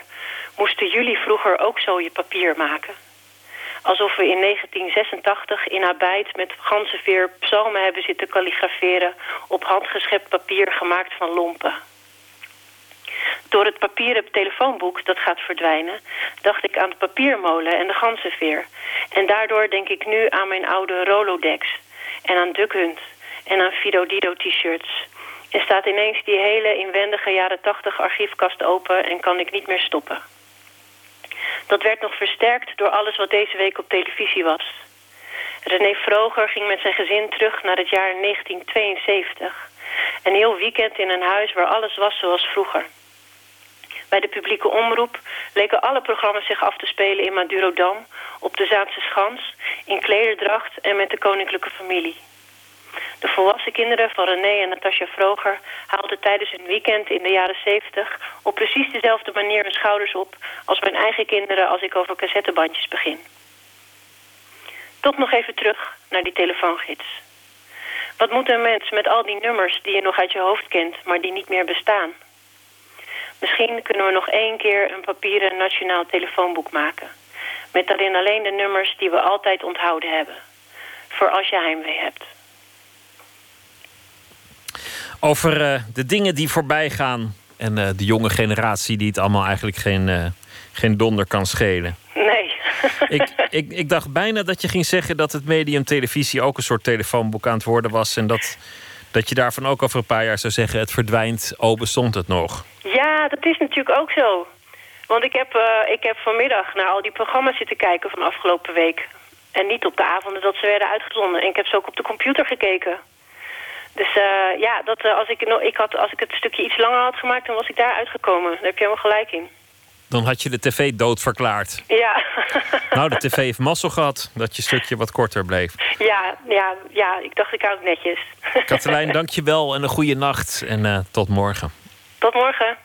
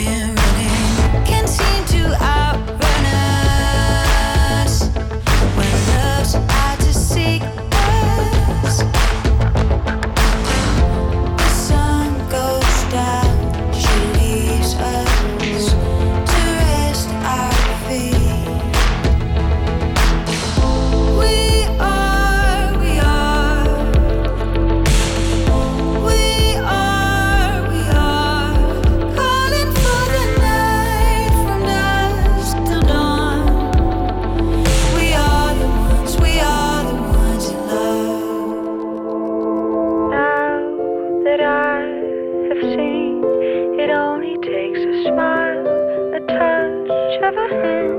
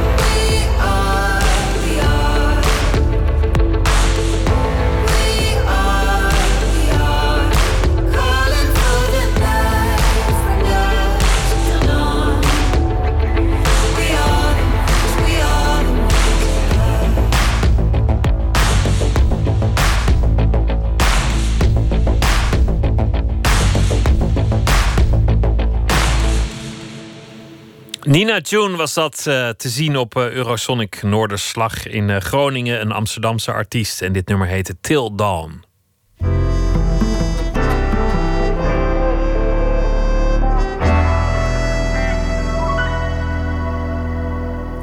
De rubriek heet Open Kaart 150 vragen over werk en leven. En eh, te gast is Persis Bekkering vanwege haar eerste roman Een heldenleven. Naar het eh, stuk van Strauss vernoemd. Een eh, boek dat zich afspeelt tegen de achtergrond van een topviolist in een orkest. Die perfect is. Althans, bijna perfect. Misschien wel te perfect. Persis Bekkering is ook recensent. Schrijft voor de Volkskrant over literatuur. En ook over klassieke muziek. Hartelijk welkom. Dankjewel. Het gaat over een, eh, een, een violist die, die fantastisch goed kan spelen. En een andere violist die in zijn eh kielzog over de wereld reist. Of, of door Europa eigenlijk. En, en daarmee gaat het ook over wat het goede leven is. Het gaat ook over de klassieke muziek. Of het niet te perfect is. Of, of eigenlijk 100% niet een te hoge score is voor een, eh, voor een violist. Hoe is die muziek eigenlijk in jouw leven terechtgekomen?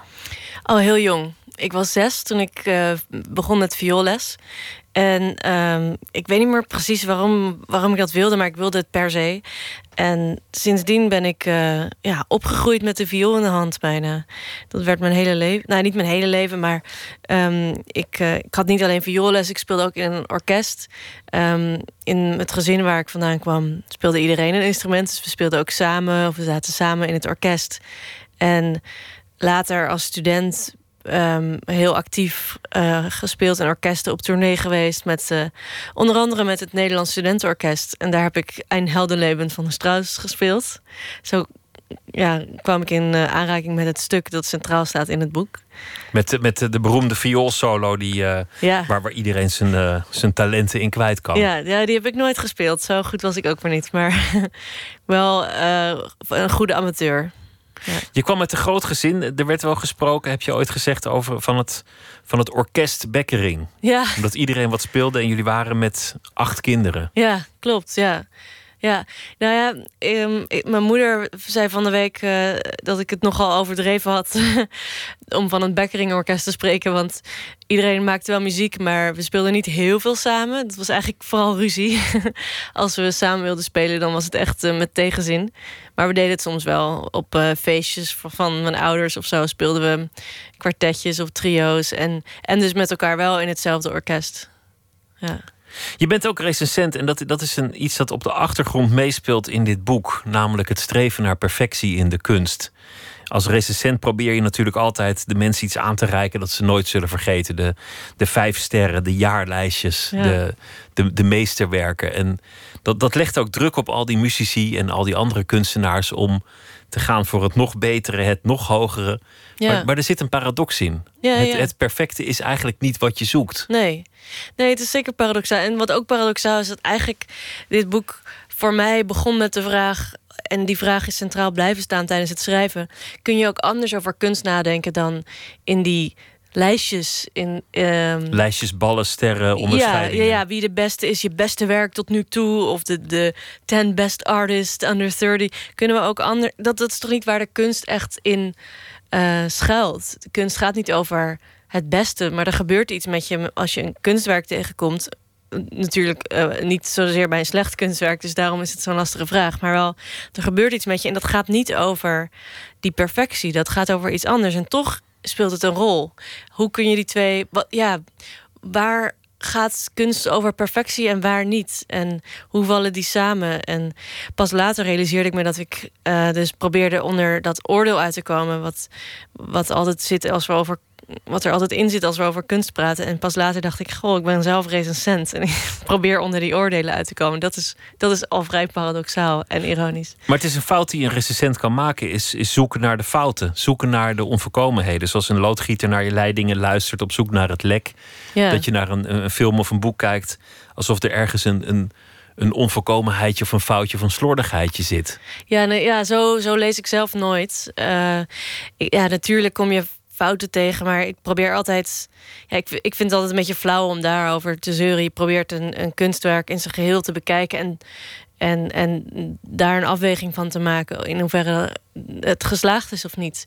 En een paar foutjes doen daar zeker niets aan af. Sterker nog, ik heb ook wel eens geschreven dat er een boek te perfect is of te gaaf. En het, de paradox die daar dus in zit, ehm, is dat als iets perfect is, zeker in de muziek is dat heel erg zichtbaar. Die violist Igor in mijn roman, die speelt zo perfect dat het bijna als een soort. Het klinkt als een robot of een, of een CD met autotune die, die helemaal gaaf geveld is. En het is daardoor een beetje saai. Het glijdt van mensen af. Maar je kunt niet zeggen dat wat dan wel echt goede muziek is, dat dat muziek is met imperfecties. Het is niet zo dat de goede kunst schuilt in de imperfectie. Dat is te makkelijk, te oppervlakkig ook. Het is eigenlijk niet zo makkelijk te bevatten. Nee. Je hebt ook een beeldend kunstenaar, een, een, een vrouw, en die, die verzet zich tegen wat zij noemt het neoliberalisme in de beeldende kunst. Altijd Ja. maar streven naar meer en beter. En, en dat volgens de wet van het getal. Bezoekersaantallen, Ja. prijzen, opbrengsten, veilingen, noem maar op. En, en zij, zij wil ook terug naar het ambacht, naar het zuiveren, maar komt er eigenlijk niet uit hoe dat moet. Ja.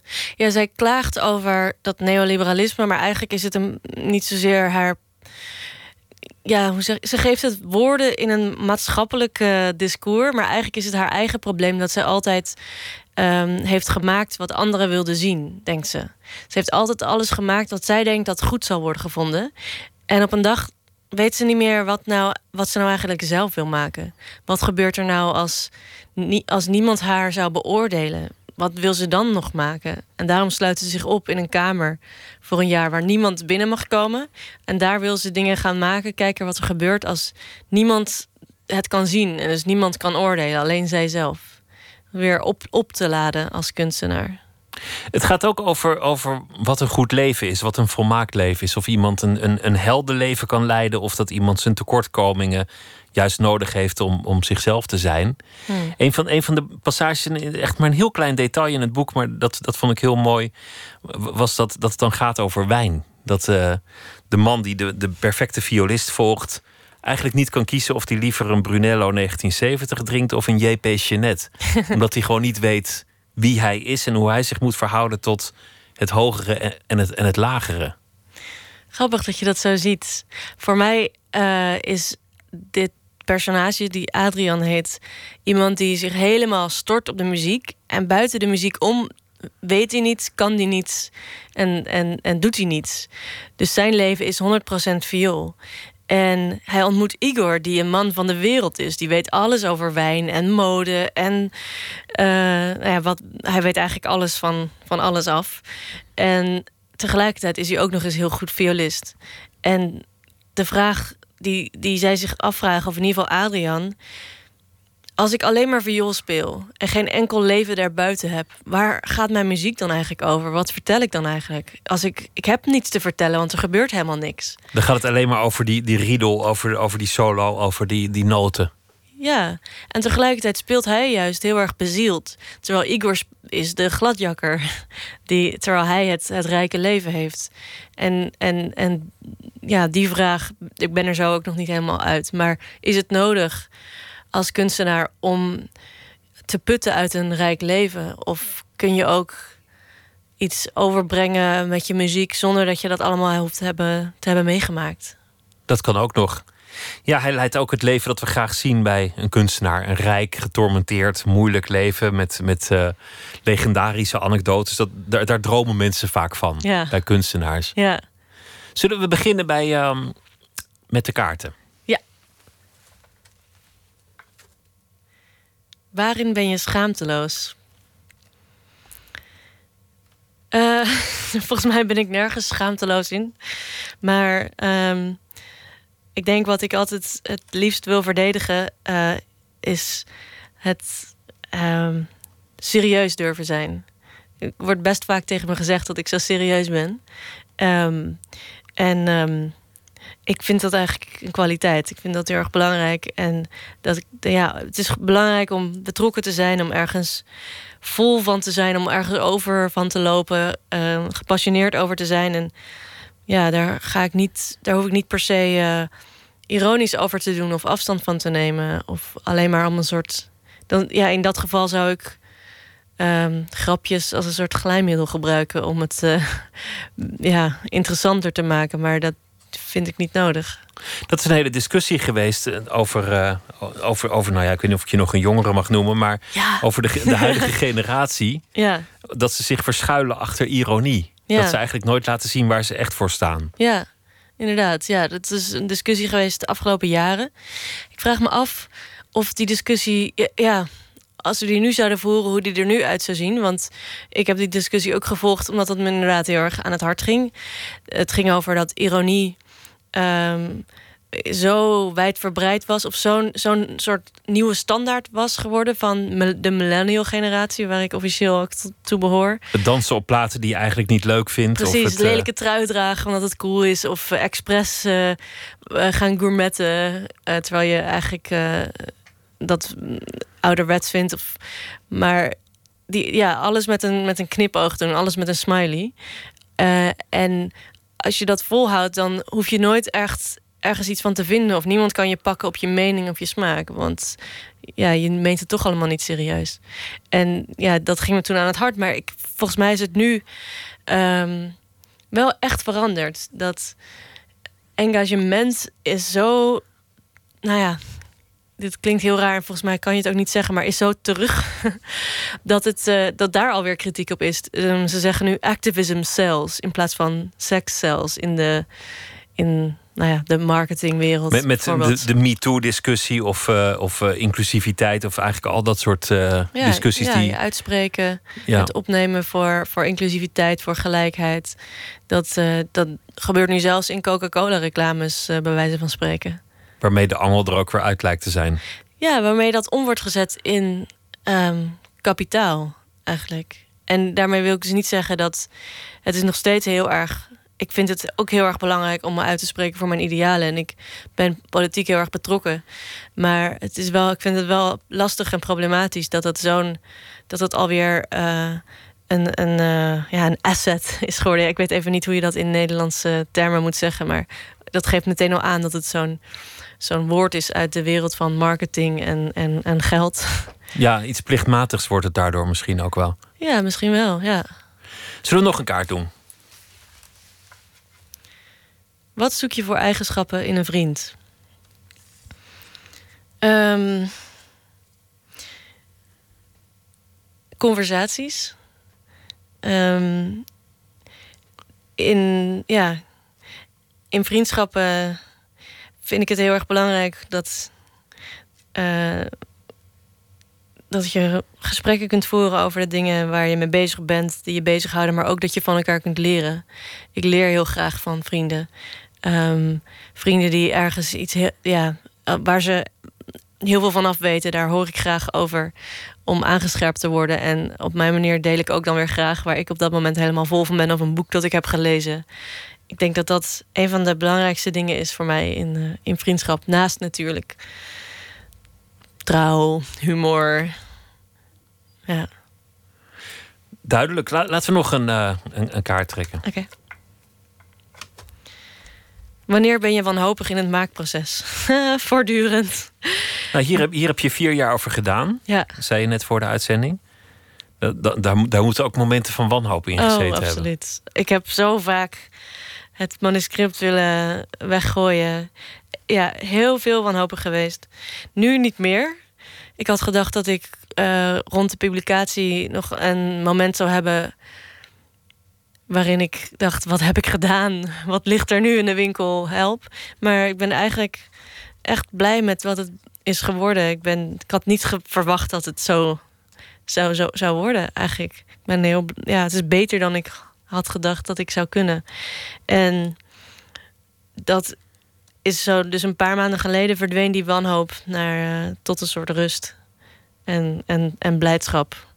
Maar het is, het is grappig dat, je, dat, dat we het net hadden over kunst en, en wat nou eigenlijk goed is. Of dat perfectie is, of zeggingskracht, of het onvolmaakte. Je weet zelf ook niet helemaal van tevoren wat je gaat maken. Nee, Het proces neemt het ook voor een deel over. ja, Maar je bent wel gewend om te oordelen over boeken. Om, om, om er een soort kern uit te halen en er uiteindelijk ook sterretjes en balletjes aan te geven. ja. Ja, en het voelt, ja, het- natuurlijk geef ik een oordeel over een boek. Ehm, Maar voor mij is het oordeel niet het belangrijkste van mijn werk. Zeker bij de betere boeken. Een boek, dat niet zo goed is, ja, dat, dan wordt een stukje daarover al gauw een oordeel waarom dat niet zo goed is.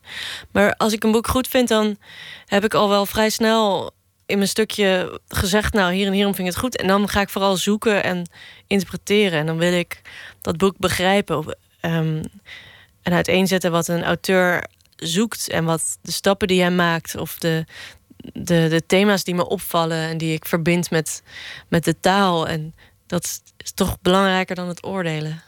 Leuker ook vooral. Lijkt me wel, ja. Laten we nog één, eh, één laatste vraag doen. Wie ga je uit de weg? Wil je naam, eh, rugnummers horen? Nou, zijn, er, zijn er bijvoorbeeld schrijvers waar je ooit over hebt geschreven... die je nu met een grote bocht ontloopt? Of dat je op feestjes ineens achter de, de begonia's duikt? Niet letterlijk, maar natuurlijk kom ik op feestjes wel mensen tegen die ik ehm, eh, negatief heb besproken. En ik vind dat heel lastig. Want ik, ja, ik weet dat ze niet op mij zitten te wachten.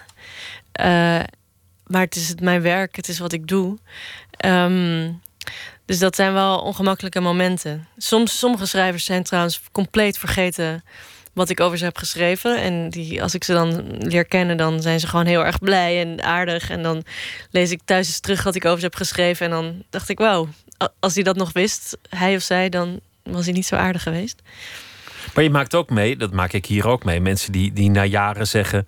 dat was inderdaad een mislukt boek of een mislukte film. Ja, ja dat Als de ook. tijd eroverheen is geweest, dan zie je het zelf ook wel. Ja, dat ook. Ja. Dus als, daarom, ik, ik, ik probeer mijn werk heel serieus te doen zonder wraakzucht of zonder al te veel kennis over iemand als persoon. En ja, dan hopelijk krijg je ook dat soort reacties. Dat, dat je gewoon precies het hebt aangegeven waarom een project mislukt is. Ja. Het eh, boek heet Een helder leven. Persis Bekkering, dank je wel en eh, veel succes. Dankjewel. You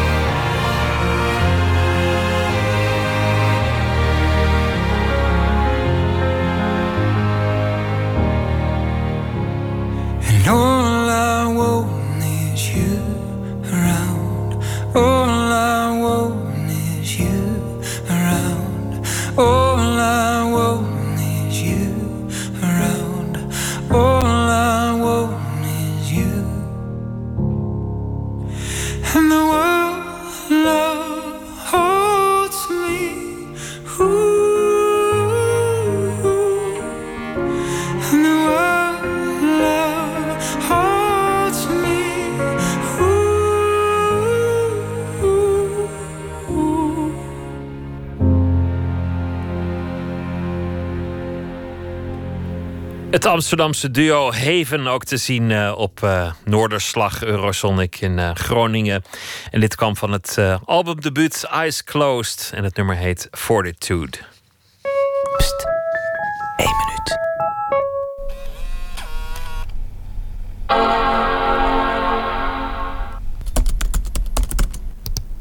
Goedemorgen wereld. Mmm, koffie. Aan de shop met zusje en moeder. Nu Albert Heijn boodschappen doen. Yo! Vind ik leuk. Dikke katen. Morgen stop ik met drinken. Eén persoon vindt dit leuk. Mm, vind ik niet leuk. Nu GTST kijken. Daarna sporten, hoop ik. En dan film kijken. Vind ik leuk. OMG, heb je de nieuwe Jersey Shore gezien? Loz. Caps Lock. Jijzelf en acht anderen vinden dit leuk. Mijn opa is overleden. Vind ik niet leuk. Ik ga vandaag lekker tegen niemand zeggen wat ik aan het doen ben. Vind ik Dus leuk. eindelijk even wezen chillen. Zometeen even peukje roken met mijn schat. Daarna lekker slapen. Vind ik leuk. Jemig, wat een laagjes. Net tien keer opgedrukt. Vind ik leuk. Vind ik leuk. Een hamster Vind ik niet leuk. Anderen Op naar Gent leuk. met Chris Vind ik leuk. Niet leuk. Ik vind het niet meer leuk. Facebook gemaakt door Jair Stijn. Er was een tijd dat je nergens heen kon gaan zonder ze tegen te komen. Mannen met Polaroid-camera's die tegen betaling een fotootje maakten in café of restaurant.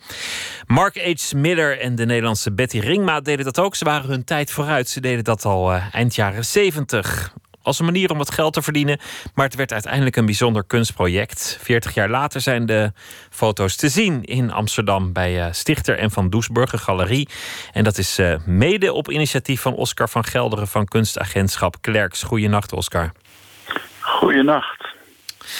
Polaroids, dat, dat op zich al is bijzonder. Een Polaroid in de kunst, dat is, eh, dat is iets anders dan een mooie zilver gelatine print of een, of, of een ander ding. Hoe kwam dit project eh, op jouw pad? Nou, ik, eh, ik ben niet werkzaam bij eh Klerks agentschap. Dat is mijn vrouw, die heet Manuela Klerks. Maar ik ben een beetje op de achtergrond betrokken. En, en we zijn getrouwd. Dus ja, dan kom je elkaar wel eens tegen, ook in de kunst. En eh, voordat ik Manuela leerde kennen, had ik in New York al Mark Miller ontmoet. En ook Betty Ringma. Want daar wonen ze allebei. En ehm, Mark Miller is eigenlijk een beetje een punk-curator. Hij heeft ook Basquiat als een van de eerste geïnterviewd eh, op televisie. En ik merkte dat hij hele bijzondere dingen had gedaan. Op een gegeven moment kwam ik erachter dat hij dus in Nederland had gewoond met Betty, die dus een Nederlandse is van oorsprong. En dat zij daar dus eh, fantastische foto's hadden gemaakt. Eigenlijk een beetje rondom het Rembrandtplein. En laten we zeggen in de Red Light District. Vooral op de Zeedijk.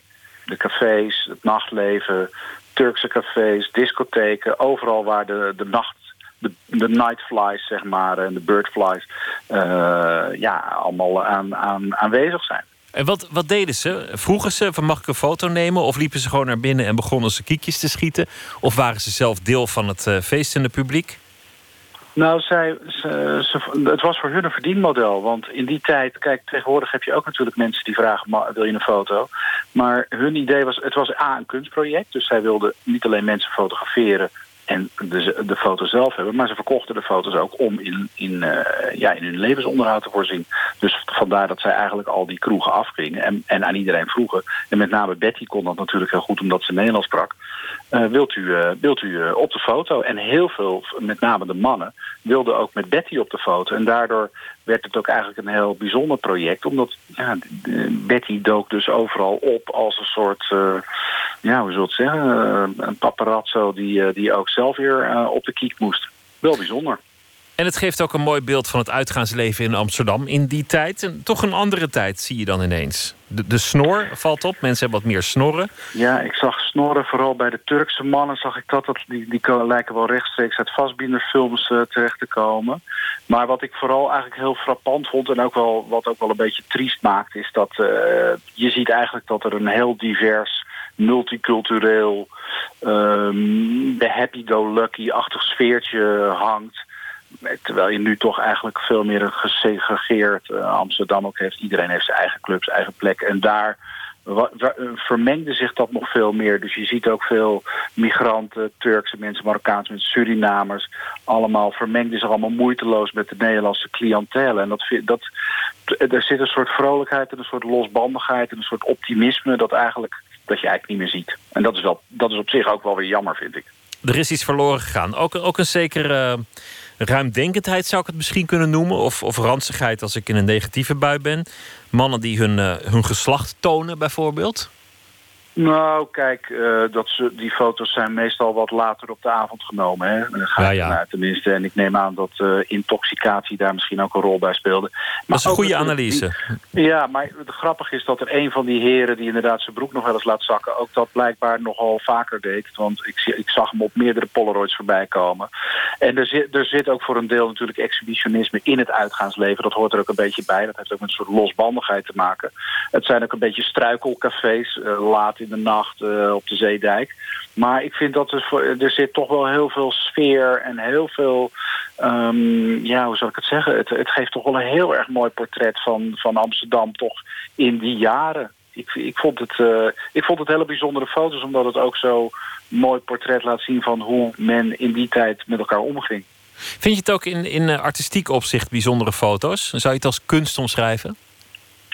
Zeker. En ik, er zitten echt juweeltjes tussen. Niet alleen omdat de, de mensen erop ons ontroeren, maar ook omdat ze gewoon buitengewoon mooi genomen zijn. Het zijn ook twee kunstenaars die die foto's hebben gemaakt. Maar ik denk ook, het is ook pre-Nan Goldin. Het is voor die hele rauwe straatfotografie die eigenlijk nu toch wel veel meer eh, ehm, ja, geaccepteerd is. Dat vind ik heel bijzonder. Betty Ringma eh, had nog een ander project, Betty eh, ehm, in de CBGB's, waarbij ze zich fotografeerde met bands uit die tijd. Hebben het over 1976, 1978, Talking Heads, Ramones, Debbie Harry, eh, Patti Smith. Mensen die toen eigenlijk opkwamen, maar nog helemaal niet zo heel bekend waren. Dus dat is ook weer een beetje dat, dat selfie achter. Het is een mix van selfie en, en paparazzo. Dus je loopt naar binnen en je gaat foto's maken van mensen. Je gaat ook op de foto met mensen. En eigenlijk wat toen nog eh, ja, een artistieke eh, act was, is nu natuurlijk door de digitale camera ja, eigenlijk helemaal vervangen. En toch zie je weer een comeback van de Polaroids. Want mijn dochter komt ook weer met van die kleine Polaroid-fotootjes terug. Dat is toch, het is een beetje het vinyl onder de downloads, zullen we maar zeggen. Ja, en een foto die werkelijk uniek is. De, echt het moment vasthoudt en de vluchtigheid Ja. van fotografie. Dan eh, maakten ze wel vaak dubbele. Hè? Dus inderdaad, er werden er vaak dan, mensen moesten dan twee keer poseren. Eén wa- was er voor hun, dat was voor het project. En de ander gaven ze aan die mensen. Eh, of verkochten ze voor, een- voor een paar knaken dan. En, ehm, en daardoor werd het inderdaad een kunstproject. Het is, het, is, het is allemaal unica. Nou moet ik wel zeggen, in de show zijn ongeveer 250 van die originele Polaroids te zien... waarvan er ook een klein deel, ongeveer 25, ook te koop zullen zijn. Dus dat is al bijzonder. En van een paar, tien, eigenlijk een aantal highlights... eh, zijn er ook kleine nadrukken gemaakt in een kleine oplage van acht.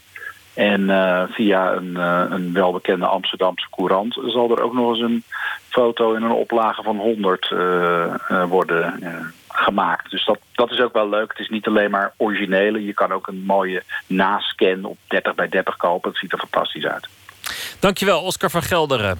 En een hele goede nacht. Dag. Te zien tot en met 17 februari bij Stichter en Van Doesburg in Amsterdam.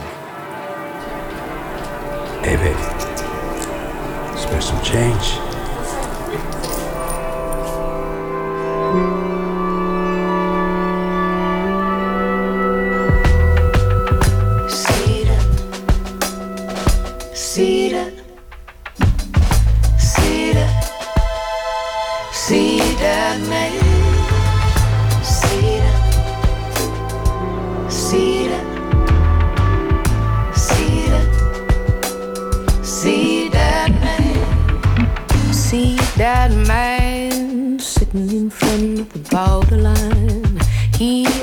Got the time to argue what's yours and what is mine. See that man holding his hand out in desperation.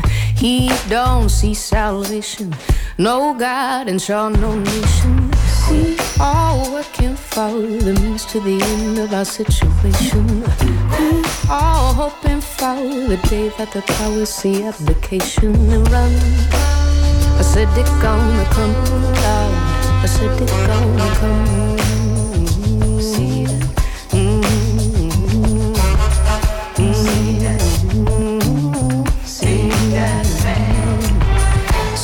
that man? that man sitting in front of the jewelry store. He can't walk no more. He just too damn poor. See that man holding his eyes from the glaring sun. He ain't got no one. His hopes all been undone. We are working for the means to the end of our situation. We are hoping for the day that the powers see application run. I said it gonna come down.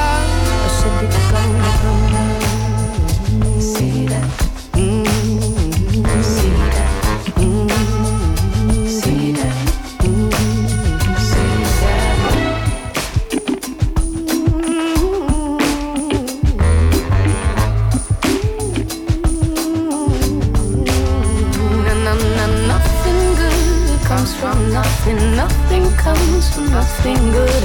Why you spend the whole day bluffing? Come on, man, do what you should. What you mean the world ain't? Say what you mean the world ain't mine. Last I checked, there were no price tags hanging on them shady pines. What you say when you say nothing? What you mean when you say lies? Politician, tell me something. What you got behind them eyes?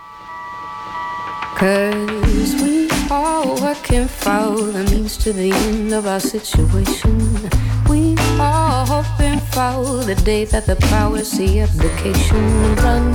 I said it gonna come loud. I said it gonna come. See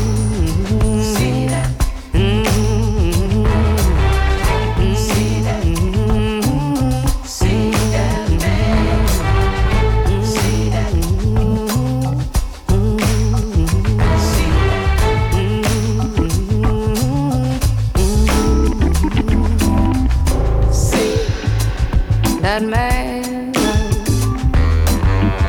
see that man, Lord.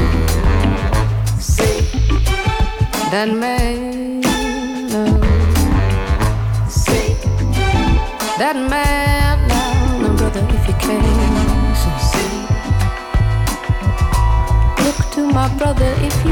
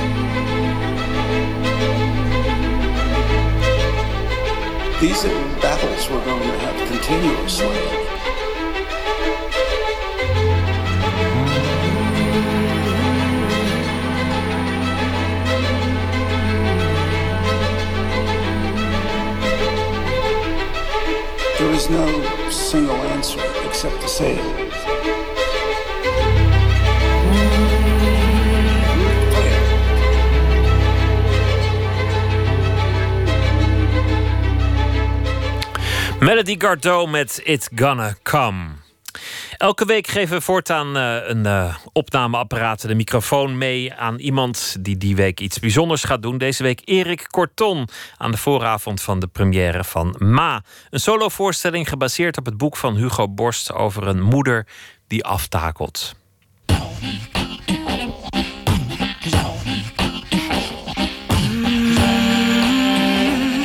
Zo, nou, dit is. eh noem je dat? Audiolog nummer, nummer 1. Het is 3 januari.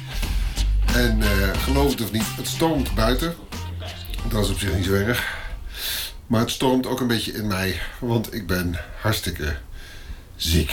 Want ik ben vanmorgen toch even naar de dokter gegaan. Want alles zit een beetje onsmakelijk op de radio. Maar goed, dat is dan maar zo.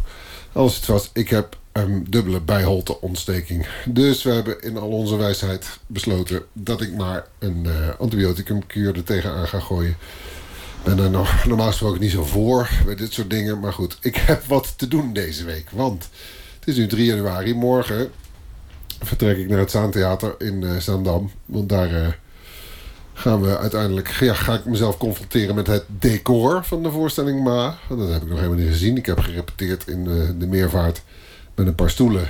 En eh, dat was het. Maar dat zou lekker zijn als ik dat met een beetje schone kop zou kunnen doen. Want dit is niet, eh, dit is niet wat, het, eh, wat het leuk maakt, zou ik maar zeggen. Hi, het is inmiddels 4 januari. En ik zit in de auto in de richting van Zaandam. Al waar ik zo meteen het Zaantheater zal betreden. Waar wij onze spullen hebben opgebouwd. Ik heb inmiddels dus één nachtje antibiotica erop zitten. Maar eh, ik voel me nog steeds niet helemaal zoals het moet. Maar daar, ga ik nu over ophouden. Hoor je me nu niet meer over.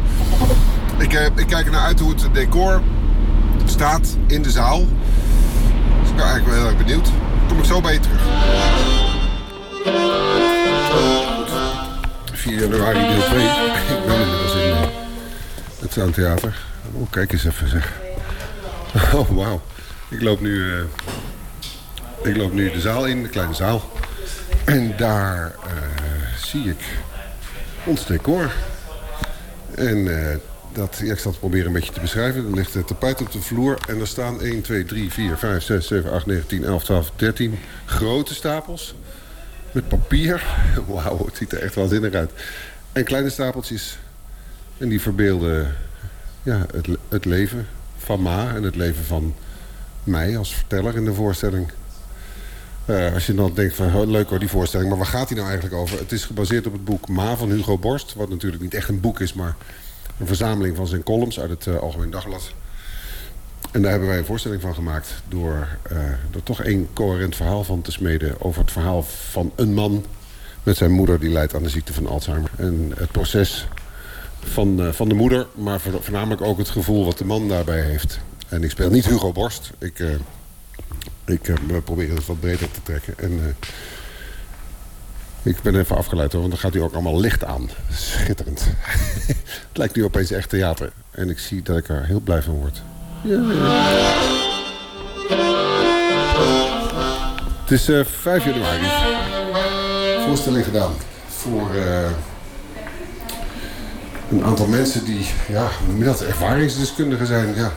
Er wordt een fotowedstrijd uitgeschreven voor, eh, voor mensen die een foto konden maken van eh, iemand uit hun familie. Man, vrouw, eh, eh, oma, opa, verzin het maar. Die met, met dementie of met Alzheimer kampt. En er zijn prachtige foto's uitgekomen. En die mensen hebben vandaag dus naar de voorstelling gekeken. En het, het was heel raar, want ik, ik heb dat ding inmiddels best wel in de vingers. Want het kan altijd nog beter en nog een dat, dat, dat snap, ik, snap ik ook wel. Maar ehm, ik realiseerde me opeens dat deze mensen die daar zaten... allemaal dus een ervaring hebben met, met die ziekte. En dit verhaal dus allemaal van onder hun huid kennen. En daar schrok ik van, merkte ik. In de eerste... Nou ja, de voorstelling is een uur en twintig minuten. In de eerste 10, 15 minuten had ik daar last van, merkte ik. Ik dacht, jezus, wat sta ik hier nou te vertellen? Snappen ze het wel? Vinden ze het, eh, klopt het wel? Zoiets. En toen dat over was, kon ik heel vrij uitspelen. En heb ik ze volgens mij... eh, nou ja, tenminste, je hoort ze op de achtergrond nu... eh, geraakt in, eh, in, in waar het moest. Op de juiste manier. En daar ben ik heel trots op. Goed, dus dat is een mooie voor morgen. Morgen is de eerste officiële try-out. Maar dit sterkt mij enorm. Nou, ik heb het in mijn mond vol. Want ik ga zo meteen even een fotogeneraal doen. Nou, vandaag zijn ook mijn vriendjes van de, van de cameraploeg daar. En dan hoor ik je denken, hè, een cameraploeg? Ja. En eet je mond is fatsoenlijk leeg, Erik Kortom. Oké, ga ik eerst doen. Even wachten. Smak jij? Sorry. Ja, zo. Een tijdje geleden werd ik benaderd door Hidde van Warmerdam. Ik geef weg bij deze blaasinstallatie. Door Hidde van Warmerdam. Ehm, die eh, te horen was, eh, ter oren was gekomen dat ik deze voorstelling ging doen. Omdat daar nog een ander verhaal aan zit. Eh, of ik eens wilde praten om te kijken of we misschien ehm, met een cameraploeg mij konden volgen in aanloop naar, naar deze voorstelling toe. En het andere verhaal wat er aan zit, is ehm, dat mijn vader op dit moment eigenlijk het- hetzelfde traject doormaakt als waar deze voorstelling over gaat.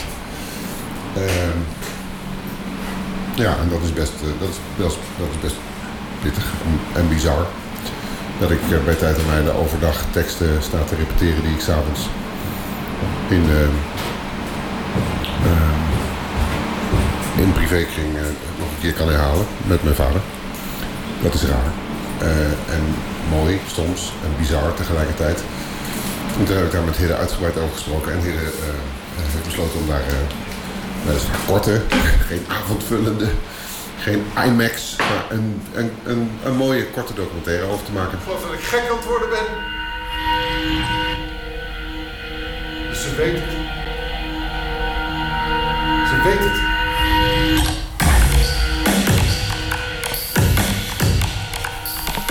Zo, het is eh, zondag 7 januari. En het is een beetje de, de, de, de day after. Na de eerste. Ehm, ja, want ik moet nog even aan je laten weten hoe die gegaan is, hè. Hij ging heel goed. Ik kan eigenlijk niet anders zeggen. Ehm, het mooie was dat, dat wat ik bij de doorloop op... eh wanneer was dat nou? Vrijdag, hè? Ja, vrijdag. Wat ik bij de doorloop voelde... dat die ehm, met die mensen die daar zaten... die, die, die, die mantelzorgers, die ervaringsdeskundigen, laat maar zeggen... De, hetgeen wat, toen, wat me toen eh, verwarde, dat was nu helemaal niet het geval. Ik kwam nu gewoon eh, naar voren en voelde dat er 200 man publiek zat. En het grap is dat als een publiek zo groot is als 200 man... dan is dat echt een, ja, dan is het een geheel wat je kunt bespelen. En dat lukte. Dus ik ben gewoon ontzettend blij. Zo, het is eh, dinsdag 9 januari. En eh, dat is een tijd voor mij, de dinsdag althans, om een potje te gaan fietsen buiten. Ik heb eh, drie boterhammen met kaas gegeten. En eh, nou, volgens mij ben ik over een uurtje of 2,5, 3 ben ik weer terug. Tot zo! Zo, nou. Zo, daar zijn we weer. Twee uur en drie kwartier. Dat was het. We hebben 72,5 kilometer gereden. Niet al te hard, want het was verraderlijk glad. En nu ben ik moe. In de logische wijs. Dat trekt zo weer bij, maar ik moet even wat eten en even douchen. Ja, dit is dan eh, zoals ik de dagen doorbreng eh, als ik niet aan het spelen ben. Dan probeer ik eh, te fietsen. En voor de rest een beetje eh, boodschappen doen, koken, man met rock'n'roll leven. Nee, het bevalt mij uitstekend. Eh, morgen is het, eh, is het zover. Morgen ga ik naar Rotterdam, naar Walhalla. En ik zeg, is het zover? Want dan komt Hugo kijken. En dat vind ik toch best wel een spannend moment. Nou, dan kan ik je helaas niet meer laten horen hoe dat gegaan is. Maar eh wij zitten woensdagavond de 17e bij Jinek. Met z'n tweetjes. Dus als hij het echt volkomen kutruk heeft gevonden... dan zit hij daar of niet... of hij doet een eh, toneelstukje. Maar nee, dat komt wel goed. Dat komt wel goed. Goed, eh, lieve mensen. Ik hoop dat jullie een beetje genoten hebben van mijn week. Het was een, best een spannende week. En een leuke week. Dus, nou, dank voor het luisteren.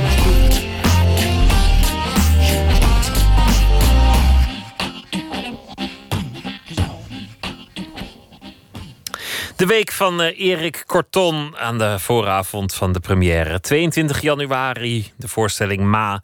En die is eh, daarna nog tot juni te zien in alle hoeken van dit land. Een nieuwe single en ook een nieuwe album van Glenn Hansard. De Ierse zanger en eh, acteur. En het eh, liedje dat we gaan draaien heet Setting Forth.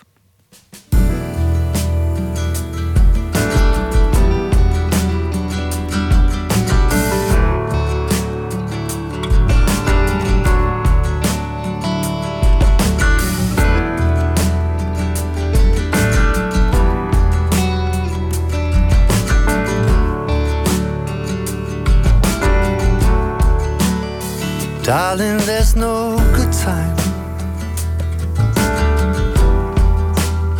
to bring this up. But we've got so much riding on this love.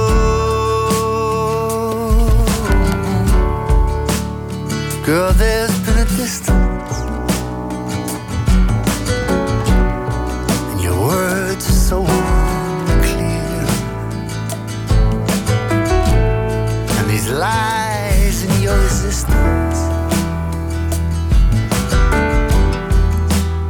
You gotta disappear.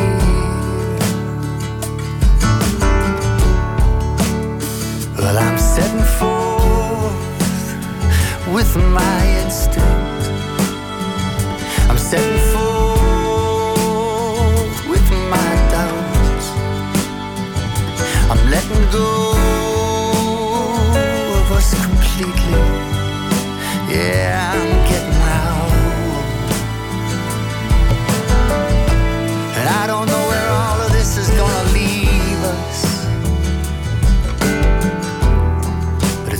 time we both found out.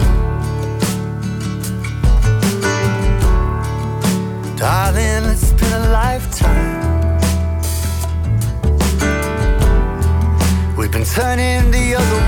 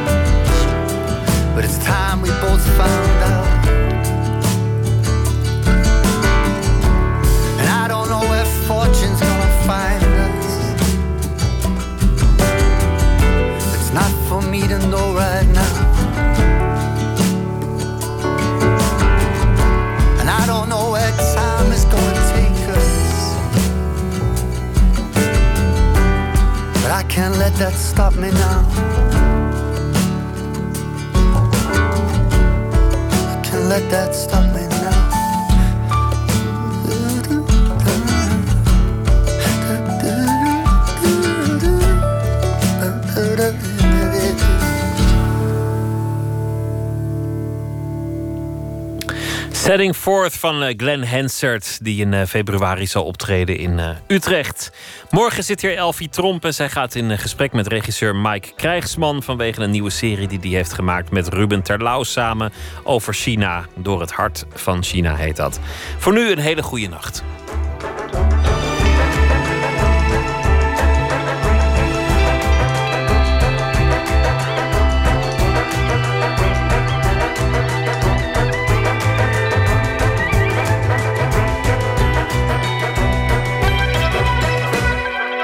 Radio 1, het nieuws van alle kanten.